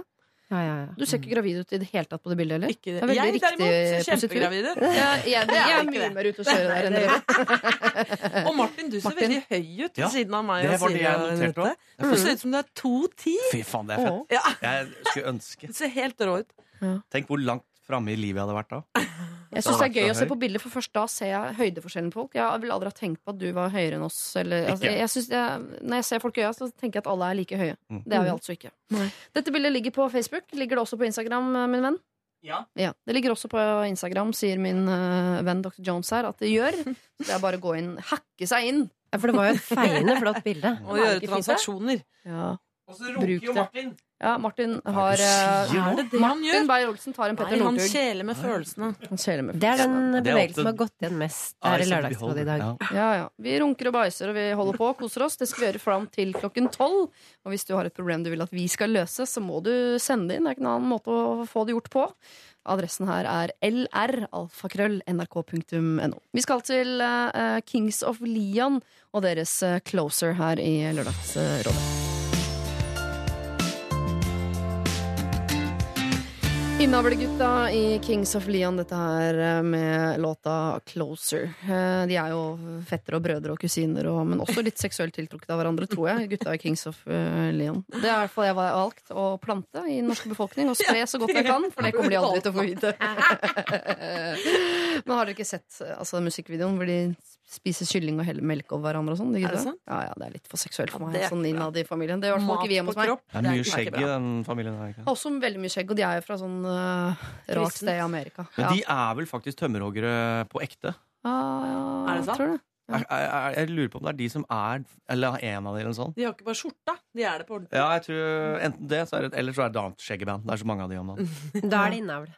Ja, ja, men jeg tror eh, Amerika er jo, er jo innavla, hele gjengen. De var bare to stykker i begynnelsen. Adam og Eva heter. ok, jeg lar kunnskapen eh, ligge. Kunnskapen vi skal eh, gå videre med flere programmer. Rådgivere i dag er eh, Martin Beyer-Olsen, Henriette Brusgaard og Henriette Stentrup. Ok, Her eh, skriver Marianne Sære Lørdagsrådet. Jeg og kjæresten min har vært sammen i snart fire år. Vi er samboere, og vi har det veldig bra sammen. Han er den mest omsorgsfulle personen jeg har møtt, og vi koser oss i hverandres selskap. Men jeg liker ikke å drikke alkohol sammen med han. Det er ikke ofte noen av oss drikker, kanskje en gang hver annen måned, men han blir lett irritert i fylla. Han blir eh, ingen kranglefant. Eh, styrer unna dårlig stemning, men han kan fort bli sint og lei seg. Slik er det vel for mange, tenker jeg. Venner av oss liker å drikke sammen med han fordi eh, han blir veldig glad og sosial, og det er vel bare jeg som legger merke til eller er redd for at han skal bli irritert eller smådeppa. Nå skal det sies at jeg er ikke så veldig glad i å drikke alkohol selv, ei heller å være rundt eh, fulle folk, da jeg ser hvordan alkoholen endrer personligheten deres for en kveld. Jeg ser andre par som tar seg noen glass eh, vin eller øl sammen og blir småbrisende og knisete, og sånn vil jeg også ha det. Jeg er bare altfor redd for at det kan bli litt dårlig stemning, og at han vil ta opp eh, negative ting som har skjedd tidligere. Jeg liker bare ikke effekten alkohol har på enkelte. Hvordan kan jeg slutte å være redd for at konflikter og dårlig stemning skal oppstå i fylla? Hva kan jeg gjøre eh, hvis det i så fall skjer? Kan jeg snakke med samboeren min om dette? Eh, har tatt opp det litt forsiktig før, men uh, han ser det ikke sånn av seg selv. Vi er begge i begynnelsen av 20-årene. Hilsen Marianne. Er det Og snakker man om det, er en god start. ja, Og gjerne snakker man om det uten uh, alkohol til stede. i altså, edru tilstand? i ja. edru Ja, tilstand. ja, ja, ja, ja. Men jeg har hatt dette problemet. Er det sant? Og det som er, er at du kan ikke snakke med han om det i edru tilstand. Fordi det er mulig hun maler det litt penere enn det egentlig er, da. Ja. Fordi mest sannsynlig så er han en av de som ikke Som mister litt sånn selvinnsikt når han drikker. Mm. Så han føler ikke at han er irritabel eller deprimert, som hun kaller det. da. Mm. Eller om det er sint og eh, gæren, som mm. kanskje andre ville, hun vil kalle det. Ja. Jeg vet ikke. Nei, nei, nei. Jeg prøver, hører at du prøver å Men det er analysere din egen situasjon Ja, nei, det er veldig vanskelig å snakke om ting som har skjedd når folk er fulle, hvis de er fulle på en sånn måte som gjør at de ikke har opplevd den situasjonen sånn i det hele tatt. Uh, For selvinnsikten forsvinner jo når man drikker. Den? Den dukker ikke opp igjen når man er edru. Nei, fordi det, man husker det kanskje ikke, hva som har blitt sagt og gjort, og da kan man heller ikke krangle seg gjennom det, fordi dette var jo ikke noe som skjedde i den andres hode. Derfor er alkohol vanskelig i parforhold. Um, hvor den ene kanskje ikke tåler så godt alkohol, eller bla, bla. Um, jeg øh, vi har en sånn regel på at øh, vi kan drikke et glass vin sammen, for det er noe helt annet. Men stort sett så drikker ikke vi sånn Er på sånn fest sammen, hvor man skal bli apefull samtidig. Fordi det har vist seg tidlig i 20-årene at det var ikke noe smart. Sånn at da går heller jeg på fest alene, eller han på fest alene. Og sånn. Så Og så trist. drikker ikke så mye sammen. Nei, vet du hva, det er mye lurt ut, ja. tristere å være fulle på en sånn måte sammen. Det er trist, det. Men hva Så- da uh, Jeg har også hatt problemer tidligere med å være fulle sammen. eh, Blant annet med ekskjæresten min. Vi er ikke sammen lenger, for å si det sånn. Mm. Vet ikke om det var derfor, men det var ikke noe suksess. Altså. Nei. Ble liksom så intense krangler av det og sånne ting. Ja, for det er jo alle vennegjenger har jo et sånn par i gjengen som er de som alltid krangler i fylla. Ikke sant? Uh, som alltid er sånn 'Å, nå må dere slutte med de greiene der'. Det blir, hver gang det blir dårlig stemning for alle, osv. Det kan jo forpeste en hel uh, fest, det. Absolutt. Det er jo nettopp akkurat det, Det det kan være gjør. litt gøy da-. Det kan jo bli litt sånn med fest, sånn med dansk film. Ja, festen. Det- Det, er sånn det er- Familien min er det uten incesten. Pleier jeg å si. Den har roa seg litt, da. Men hva skal Marianne gjøre da? Hva- Mener du da løsningen er å gjøre som dere gjør eh, i Stenstrup-familien? At dere eh, fester hver for dere? Ja, det vet jeg ikke. Men det, i hvert fall, det, det har funka i Stenstrup Saim-familien. Men det som er litt vanskelig Det er en litt sånn tricky sak, Fordi sannsynligvis så ser ikke den andre på det som et problem. Og det kan ta litt sånn tid. Ja. Men det er klart at alkohol er et problem hvis ved gjentagende fester at en part føler seg liksom eh, driti ut, eller at man har krangla, eller at det blir vonde situasjoner ut av det. Alltid Ja. på slutten av kvelden, som ikke kanskje alle andre ser, nettopp fordi det er mye moro med alkohol også. Men det eh, Da er det litt sånn at man faktisk må Han må på en eller annen måte innse at han kanskje ikke tåler alkohol så bra som han tror. Ja. Hvorfor er det ved nesten alltid menn som blir sånn apekatter i fylla? Så Det er det ikke alltid. sånn Kjenner damer òg, faktisk. Å, ja. Absolutt. Det er av og til omvendt også. Det er nesten kanskje enda vanskeligere. Men, Ja, eh, men Da er det unntak som bekrefter regelen. For jeg synes veldig ofte at Jenter syns det er vanskelig. De syns typen sin er veldig sånn morsom i fylla når man møtes. Og så når man er sammen, så hater man typen sin i fylla. For da ser man en sånn side som man ikke liker. mm. Eh, men hva, eh, hva valgte du å gjøre da, eh, Brusgaard? Du valgte å gjøre det slutt, rett og slett? Ja. ja. Nei, men altså nå mm. Det, Men det var ikke Men for noen ganger må man jo feste sammen. Hva gjør man da hvis man blir bedt til samme bryllup eller samme 30-årsdag eller samme uh, holdt på å si konfirmasjon? Man må da lage avtaler. seg men Man må lage litt sånne avtaler. Enten at uh, uh, Men det fordrer jo at man er enig om at man ikke har det så gøy når man drikker mye sammen. Da, ja. uh, da må man lage litt sånne avtaler om at vi drikker f.eks. ikke drinker i Nei. bryllupet. Vi Mhm. holder oss til vin. eller at én går hjem til barnevakten. Eh, Nå er ikke dette med barn og sånn, da. Altså, det er jo litt sånn alle kan drikke så mye de vil. de er tidlig i 20-åra. Ja. Um, og hvis ikke liksom noen av eh, andre Hvis man ikke klarer å bli enige om hvordan man skal være på fest sammen, så må man jo feste eller hver for seg. Litt. Ja, men jeg føler at hun, hun, er nødt, hun er nødt til å snakke med han og få han til å forstå alvoret uten å være liksom moralens vokter og pekefingeren. Ja. Bare si at dette her eh, går faktisk utover forholdet vårt. Du er nødt til å kanskje vurdere å drikke litt mindre, fordi jeg blir såra og lei meg over måten du eh, oppfører deg på. Da. Altså, Ja. Men, men det er vanskelig for han kanskje å forstå hvor ille det blir. Men å få Men til å han til på å jeg forstå føler at det det er mange en som eh, har dette problemet. Jeg har- kjenner et par til, som Ja. en, eh, og de er sammen ennå, men det er fordi han ene har, han har sluttet å drikke. Helt. Ja. For det, det var liksom premisset. ja, ja. Og da ikke, snakker vi ikke liksom at eh, folk er alkoholikere, på en måte, men bare at de tåler alkohol på en litt annen måte enn andre. Jeg tror det kan eh, få forholdet til å gå dukken hvis ikke den personen det gjelder, tar dette litt alvorlig. Fordi alkohol kan være Men eh, sinnabru- holde seg unna sinnabrus, Sinnabrus er ikke bra. det er ikke bra. Sprit, altså. Mm. ja, for det er alltid sprit som ødelegger. Ja, det er som regel da det topper seg. Ja. Fordi det som er farlig her, er jo i dette paret da, som er i begynnelsen av 20-åra, er hvis Marianne går til typen sin, og han, som du sier, Henriette, han har ikke opplevd at han eh, blir sint eller lei seg eller oppfører seg dårlig på fest, så tenker han at Marianne da bare sånn Å ja, mm, nå er vi sammen, så nå skal, du, nå skal jeg bli sånn kjedelig type, ja, som ikke får lov til å gå ut nå. Altså, at han føler at hun bare legger bånd på han fordi han ikke ser det Marianne ser. Og da er det på en eller annen måte må hun få han til, til å se det, men det er vel ikke noe vits å poengtere det i fylla heller, eller? Nei, hun får jo den derre døve, døve rollen, da. Ja. Som den som må si det. Men, eh, og ikke, i fy, ikke mens man drikker, nei. Og alle vennene syns sikkert han bare er kjempemorsom på fest, og som hun være sånn Ja, være den døve som poengterer det. Mm. Ja. Det er litt kjedelig. Den er litt kinkig, men men hun må ta tak i det. Men hvis man har åpen eh, linje på mange andre måter, så er det fullt mulig å ta opp. Eh, Men hun må ikke bli sånn pekefingeren, sånn hun kjedelige, liksom. Altså sånn for det, altså, hvis det er altså, Det kan jo hende det er stor avstand mellom dem. Ja. At det rett og slett er at hun ikke er så glad i, i en fest på samme måte som han er, så kan det fort bli til at uh, det slår litt feil ut òg, Da er det, jo, det, det er også da et problem uh, der. ikke sant? Det kan jo også være da at uh, For vi har jo også venner hvor det skjer at Som ofte den mannlige parten drikker seg litt mer blid enn hva den kvinnelige parten liker. Eh, men da har jeg også sett at hvis du bare Hvis du har eh, rett og slett selvironi på det Ja, han blir et stort rasshøl, er idiot, men vi lar han holde på. Han kommer til å ha det vondt i morgen. Dette lever litt av. Mm. Hvis det er et sånn en god tone rundt det, så tror jeg også det kan fungere. Men er det et reelt problem, ja, det er det. da, det er jo, da er det jo Men da er jo alkoholproblem. Da må man snakke om det i bånn. Men det går an å være raus på det på den måten. Det går det absolutt klart, an å være det raus. som er, når det blir et problem, er jo når partneren Altså, altså At han blir lei seg sånn i fylla, det føler jeg ikke at hun kan trenger å bekymre seg sånn over. Hvis han liksom begynner å grine litt og bli sentimental og sånn. Det må være rom for. Eller hvis han danser på bordene. Men hvis det på en eller annen måte er sånn at hun får eh, hassle han, Mm. og det blir konflikt fordi han, det låser seg i skallen hans ved alkohol, da er det et problem Ja. mellom de to. Alt det andre kan han få lov å holde på med. Ja, for det som vanligvis er problemet i sånne parforhold, er jo at øh, den ene blir flau over den andre i fylla. Det sant? Og det Får man det, bare det, bli. Det må man jobbe med Det sjøl. Ja. Jo, men, men er det så ille at øh, personen blir snakket om i nyhetene dagen etter, for eksempel, så er det jo Da kan det hende Altså at det er sånn grunn, kjøring og grunn til å bli flau, da. Ja, Ikke sant? Hvis vi involverer bil og en rundkjøring og noe greier, så er det klart. absolutt. Det skjer jo Det det er òg. Ja.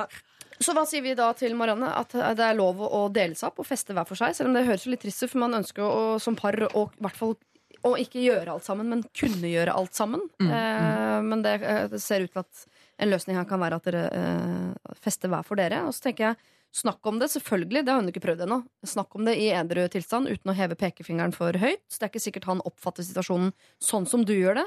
Og så vil jeg eh, legge til en ting som jeg eh, mener har gjort i et tidligere forhold selv, hvor jeg snakket om det i edru tilstand. Eh, men eh, lagde et litt sånn safety word, som man jo eh, henter fra andre situasjoner. Som jeg sier sånn Dette her er et ord, eller dette kommer jeg til å si til deg når du er sånn som jeg mener at du er i fylla, men du ikke merker det selv. Og da i fylla så sa jeg sånn Nå er du sånn som jeg snakket om.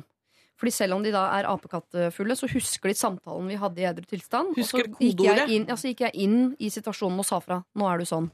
Og da, og da merket han det selv. Nei, vi hadde ikke noe safety word, men jeg sa sånn Jeg kommer til å si fra til deg når vi drikker, når du oppfører deg sånn som jeg opplever som problematisk.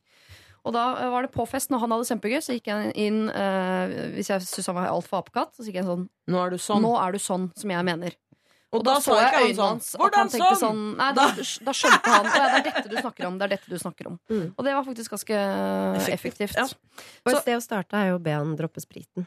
Se hvordan det går. Eh, absolutt. Det mener jeg egentlig alle voksne mennesker kan vurdere. Nei, nei, med Eh, mindre det er nydelige cocktails ja, på, ja. På ferie? Nei, på speakeasy-barer over hele verden. Snakk om det edre tilstand. Eh, poengter det eh, i situasjonen hvor det skjer, uten å da ta det opp som en samtale eller kjefting. Eller sånn. Bare poengter det. Dette er det jeg snakket om. Og så fortsetter dere å snakke om det i edre tilstand. Og funker ingenting av dette her, så er det, altså, det er to mulige utganger på det. Feste hver for seg. Eller gå hver sin vei i livet generelt. Eh, og det er jo et valg dere to må ta sammen. Eller du helt alene, Marianne. Lykke til. P3 Lørdagsrådet. på P3. Madcon, dette er Summer Ray Dalton, Don't Worry, synger eh, de. Og det er lett å si, ass, Madcon. Det er ikke alltid så lett å gjennomføre. Du, du hadde hørt den låta her veldig mye. I Italia, I. Italia. På, I Sardinia, på strandbaren der. Spilte den hele tiden. Ja. Jeg ble kjempestolt. Gutta mine, sa du da. det er gutta is, gutta uh, yes, I'm from this uh, Norway, you know, yes, Norway. Ja. Uh, Madcon, Norway. I Spania hadde de sagt det sånn. Ja, Ja. Italia blir noe annet. Hva sier de i Italia? Norvegia. Nei, det sier de på Sunnmøre. Norvegia. Hvor er vi nå? Martin Beyer-Olsen, Henriette Brusgaard og Henriette Stenstorp er rådgivere i dag, og vi har akkurat eh, prøvd ble nesten litt privat. Eh, Vi prøvde å hjelpe en jente som altså ikke liker kjæresten sin så godt når han drikker. Og Det er, et problem vi får inn ganske mange av, men som oftest er det folk som blir flaue over typen sin, for han er sånn som viser tissen, eller sånn som alltid skal danse, eller sånn som skal eh, rappe på fest osv. Eh, og det syns man var gøy når man ble sammen, og så plutselig blir man glad i fyren, og så er det ikke noe gøy lenger. Men eh, når det er sånn at typen til denne Marianne, som vi prøvde å hjelpe her nå nettopp, han blir litt sånn sinna, så fikk vi litt eh, behov for å nyansere litt. For vi mente, vi, vi mente vel ikke at dere må feste hver for dere, men at hvis det skal uh, drikkes sånn veldig, at det skal bli sånn party-party, apedrita-festing, så bør man kanskje enten gjøre det hver for seg, eller sette opp noen kjøreregler i forkant. Du nevnte noen kjøreregler, uh, Stensrup. Ja, det går an å bli enige om at man ikke skal være så lenge. Uh, Eller at én ikke skal være så lenge. Eller uh, at man rett og slett ikke drikker så mye.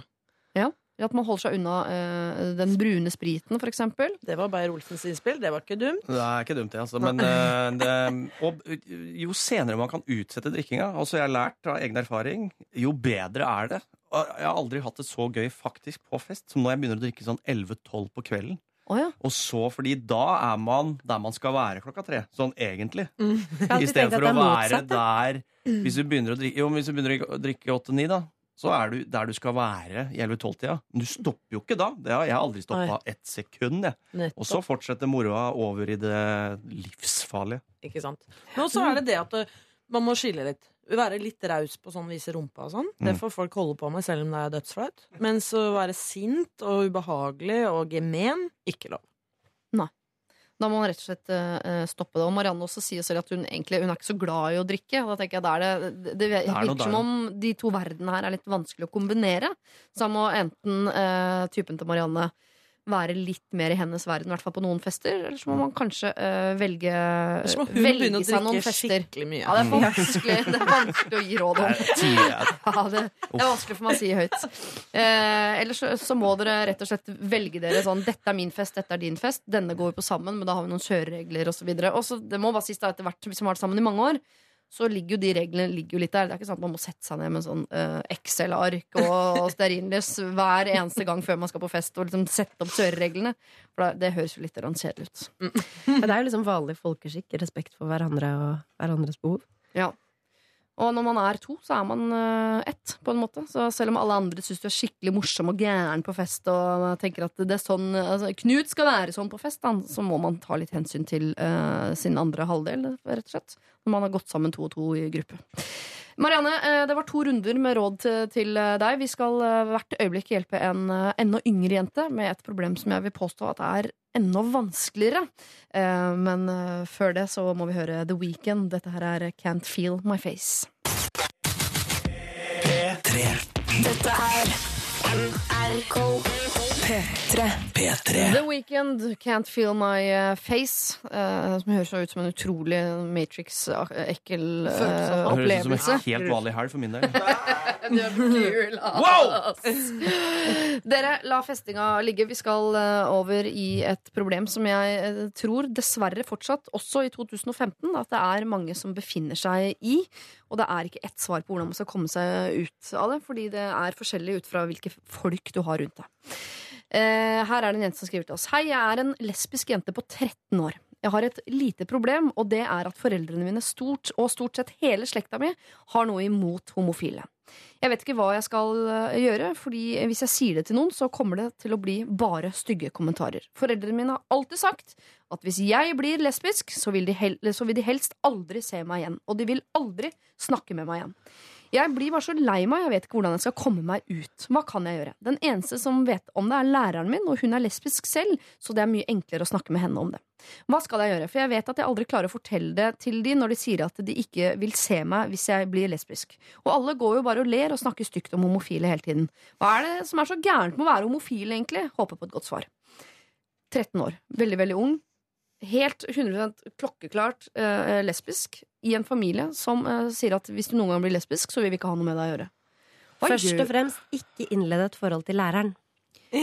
Absolutt ikke. ikke. Men fortsett å snakke med læreren din, for det høres ut som en grei rollemodell og en sånn ty- trygt sted å ha i livet ditt. Det er eh, jo nå. bare å beklage på vegne av menneskeheten at veldig vi trist. er der Ja. Det er det. ennå.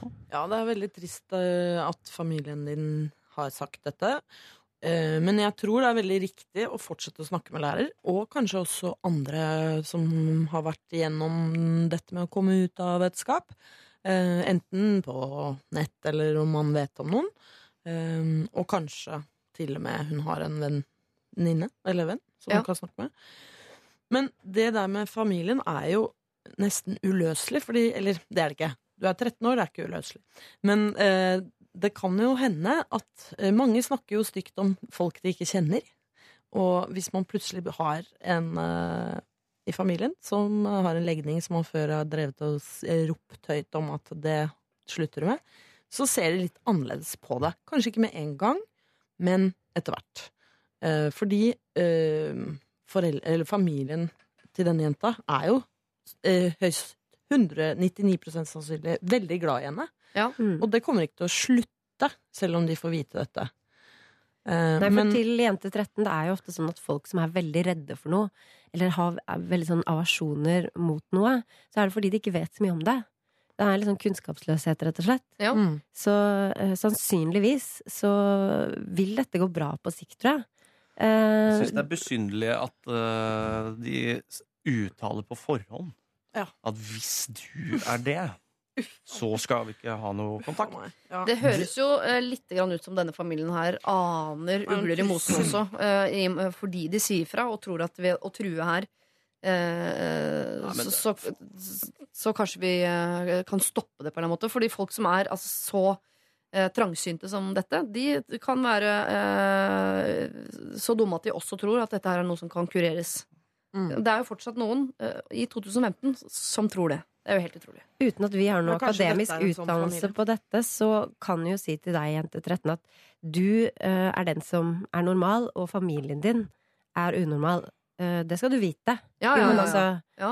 eh, det er greit å være lesbisk, og det er ikke noe galt i det. Og de har rett og slett i 2015 ikke rett til å si dette, egentlig. Eh, men det er det jo ikke noe lover som står skrevet om ennå. Men hvordan skal Eller hun nesten. Det er vel Det er jo faktisk men det. eh, at Ja. innad i en familie er det vanskelig Innad å håndheve sånne lover. Det er Ja, det. er noe med det.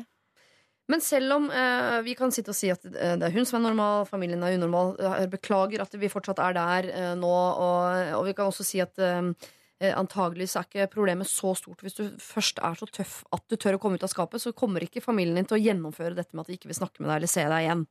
Eh, men du skal være så utrolig eh, sterk eh, som 13-åring for å stå opp mot hele familien din. Er det, hvordan i all verden skal man få til det, liksom? Det Jeg ville skaffet meg flere allierte utenfor familien. Det Ja. tenker jeg er det viktigste for jente 13. Eh, skaffe seg et nettverk uh, av mennesker. Alle trenger ikke være lesbiske og homofile, men uh, noen som har den erfaringen, og noen som hun stoler på. Som hun kan snakke med. I, i, kanskje til og med læreren kan eh, hjelpe henne med å finne en psykolog og hun kan snakke litt med. Og sånn, men, at hun Men det er familien hennes som trenger psykologer, tenker jeg. Det er Ja, det er det. trist at hun Men i og med at familien hennes er nøttete på dette feltet, så trenger hun å ruste seg til hva som kommer til å komme Ja, framover. sånn coaching. Mm. Ja, hun trenger liksom et nettverk som er, går helt utenom familien, som ikke har med familien hennes å gjøre i det hele tatt.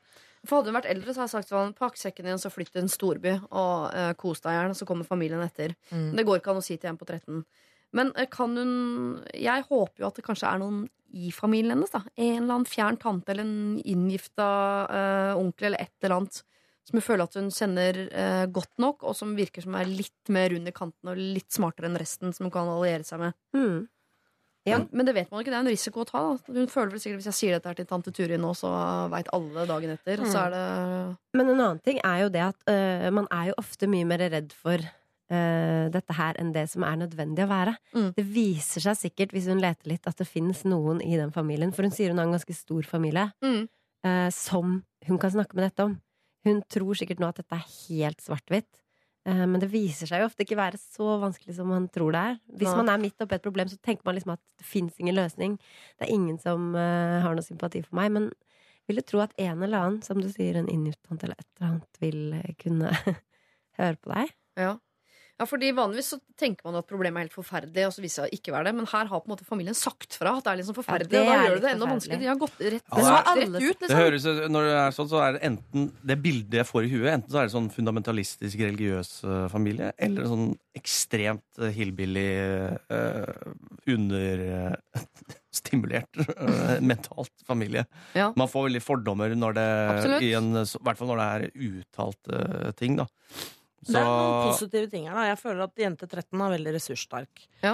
Hun har Absolutt. perspektivet selv. Hun sier selv at dette burde ikke være så vanskelig i 2015, så hun har fått med seg det. Så hun går ikke rundt og tenker at hun burde skamme seg, heldigvis, for det skal hun ikke. Og hun har denne læreren som hun kan eh, lene seg på, og det er mange lyspunkter her, føler jeg, for jente 13. Hun er eh, sin egen beste venn, og det må hun huske på, at hun er skikkelig, skikkelig sterk, på en måte. Men en ting jeg bare kom på uh, nå, fordi vi sier at uh, ofte grunnen til at, man er, uh, at familien hennes er så mot homofile, og sånn, er antakeligvis fordi de ikke kjenner noen homofile. De har ikke noen homofile rollemodeller i livet sitt, så det er liksom frykt og, og for det ukjente osv. Men denne læreren er jo lesbisk. Og det er jo en person de er nødt til å forholde seg til. De har jo antageligvis øh, elevsamtaler og sånn med denne læreren. Så det er, det er en øh, person i deres liv som de må forholde seg til. Men det er ikke sikkert hun har åpent lesbisk. på Nei, da må hun bli det. foreldre. Det mener jeg, Da må hun faktisk bli det. Ja, kanskje du skal rett og slett spørre læreren din om hun kan gå foran? Ja. Ja, så kan du bruke henne som et slags eksempel Altså, det hjemme. sier ikke at hun er hemmelig, men det kan jo hende at hun ikke driver og snakker mye om det i elev- og lærersamtaler. At Nei. Nei, jeg er jo lesbisk, Men jeg tror dette er et litt lite ikke bra nå. Det, Dere har kanskje ikke lagt sammen to og to her, men uh, Epler, epler funker Jo, best. men mitt forslag er nemlig at Jeg vet ikke om denne læreren er mattelærer, eller, hva, eller hvilken måte, uh, funksjon denne læreren har, men kunne man ha satt i gang et eller annet prosjekt på skolen som heter noe sånn uh, Et eller annet samfunnsprosjekt, da. Som handler om inkludering, forståelse, respekt, homofili At man tar et, et prosjekt på det, sånn at det blir noe du er nødt til å snakke å snakke om hjemme. Ikke på vegne av deg selv, men mer som et sånn øh, generelt problem. Ja. Og se om det dukker opp noe i familien som du kan ta tak i, en eller annen person du kan snakke mer med. Eller Ja. om du kan få satt på plass foreldra dine med noen faktaopplysninger som gjør at de eh, dumme dumme mammaen og pappaen din skjønner at de er helt ute å kjøre i synspunktene sine. Og kanskje du skal snakke med foreldrene dine en gang til, for kanskje du har misforstått en eller annen sleivete kommentar eller sånn, og hengt deg opp i det. Ja, Det er jo mulig. ja. Er bare eh, Hvis man må finne en måte å ta opp det på uten at hun må liksom buse ut med eh, sin legning med en gang. Mm. Det er derfor jeg tenker at Hvis du får læreren din til å sette i gang et prosjekt som gjør at vi må snakke om dette fordi det er hjemmelekseaktig, at det kan være en inngang for å få opp liksom, samtalen i familien uten å måtte uh, gå ut av skapet hvis du er ukomfortabel med det. Det skjønner jeg at hun er, da. Det er jo ikke sikkert det er en familie som samtaler mye om lekser eller eh, vanskelige ting i utgangspunktet. Så, men len deg på de du har allerede, og skaffe seg flere også. Jeg s- s- tenker, eh, kjære deg, dette er vanskelig. Du er ikke alene om det, selv om det føles sånn. Gå på nett. eh, Søk opp folk du kan snakke med der på Skype osv., så videre, sånn at du får følelsen av å ikke være alene. Fortsett å pleie kontakten med læreren din. Se om det er noe hun kan gjøre i form av et prosjekt, hjemmelekse. Du må intervjue familien din, sånn type ting. Mm. Og så er jeg sikker på at hvis du leiter litt, så er det noen også i slekta di du kan få hjelp av. Og den dagen du velger å gå ut av skapet, jeg sier den dagen, for den kommer, så kommer det ikke til å være så vondt som familien din skal ha det til. For de elsker deg eh, over alt på jord, det er jeg helt sikker på. Eh, og selv om det blir vanskelig for dem da et kvarter eller to, så kommer de til å måtte snu i sitt syn på homofile. Og da kan du virkelig slå deg på brystet og tenke at jeg har slått et slag for meg selv, men også på vegne av alle homofile i uh, verden, for den saks skyld. Lykke, lykke til. Uh, hvis det skulle være noe mer, så fortsett å maile oss. Du har mailadressen min. Vi er her, Lørdagsrådet, for deg hvis det skulle være noe mer. lralfakrøll.nrk.no. Lørdagsrådet på P3. Vi bremser ned. Dette var Dioro Five Hours. Uh, siste låt ut i Lørdagsrådet i dag, som, hvor det straks er nyheter. Men først så skal vi dele ut en kopp.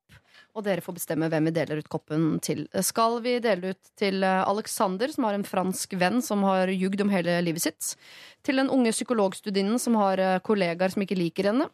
Til eh, jenta som har møtt mannen i sitt liv på Tinder og ønsker at det blir noe mer enn et one night stand. Eh, til damen som lurer på om hun skal gå på en eh, teaterskole eller bli for kjærligheten. Til hun som lurer på om det er greit å stemple ut etter at hun har driti på jobben. Eh, til hun som ikke ønsker å drikke sammen med samboeren sin fordi han blir så sint. Eller til 13 år gamle jenta som eh, er lesbisk, men vet at på utsiden av skapet så står det en hel familie med eh, folk som hater homofile. Hvem får, hvem får kopp, folkens? Det er kanskje lett å være mest oppi det siste problemet, men jeg må si at eh, for min del så har jeg lyst til å gi den til den 13 år gamle jenta som sliter med å komme ut av skapet fordi familien ikke liker homofile. Ja. Det syns jeg var trist at vi skal høre om sånt i 2015. Og jeg, eh, jeg har bare lyst til å gi henne en kopp og ønske henne lykke til videre. Ja. Det er en god kandidat til eh, kopp. God, i. selvfølgelig, Det er vanskelig å si seg imot det. Uten å virke helt gæren. Ja, jeg slenger jo innpå eh, det første problemet med franskmannen som ljuger også, for jeg syns det er så spennende historie. Ja, ja, Så at, uh, hva vi kan gjøre for å motivere han til å fortsette å fortelle det som skjer videre til denne historien, Mm. uh, stiller jeg meg også bak av rent egoistiske underholdnings... Jeg er villig til å sende en T-skjorte til England.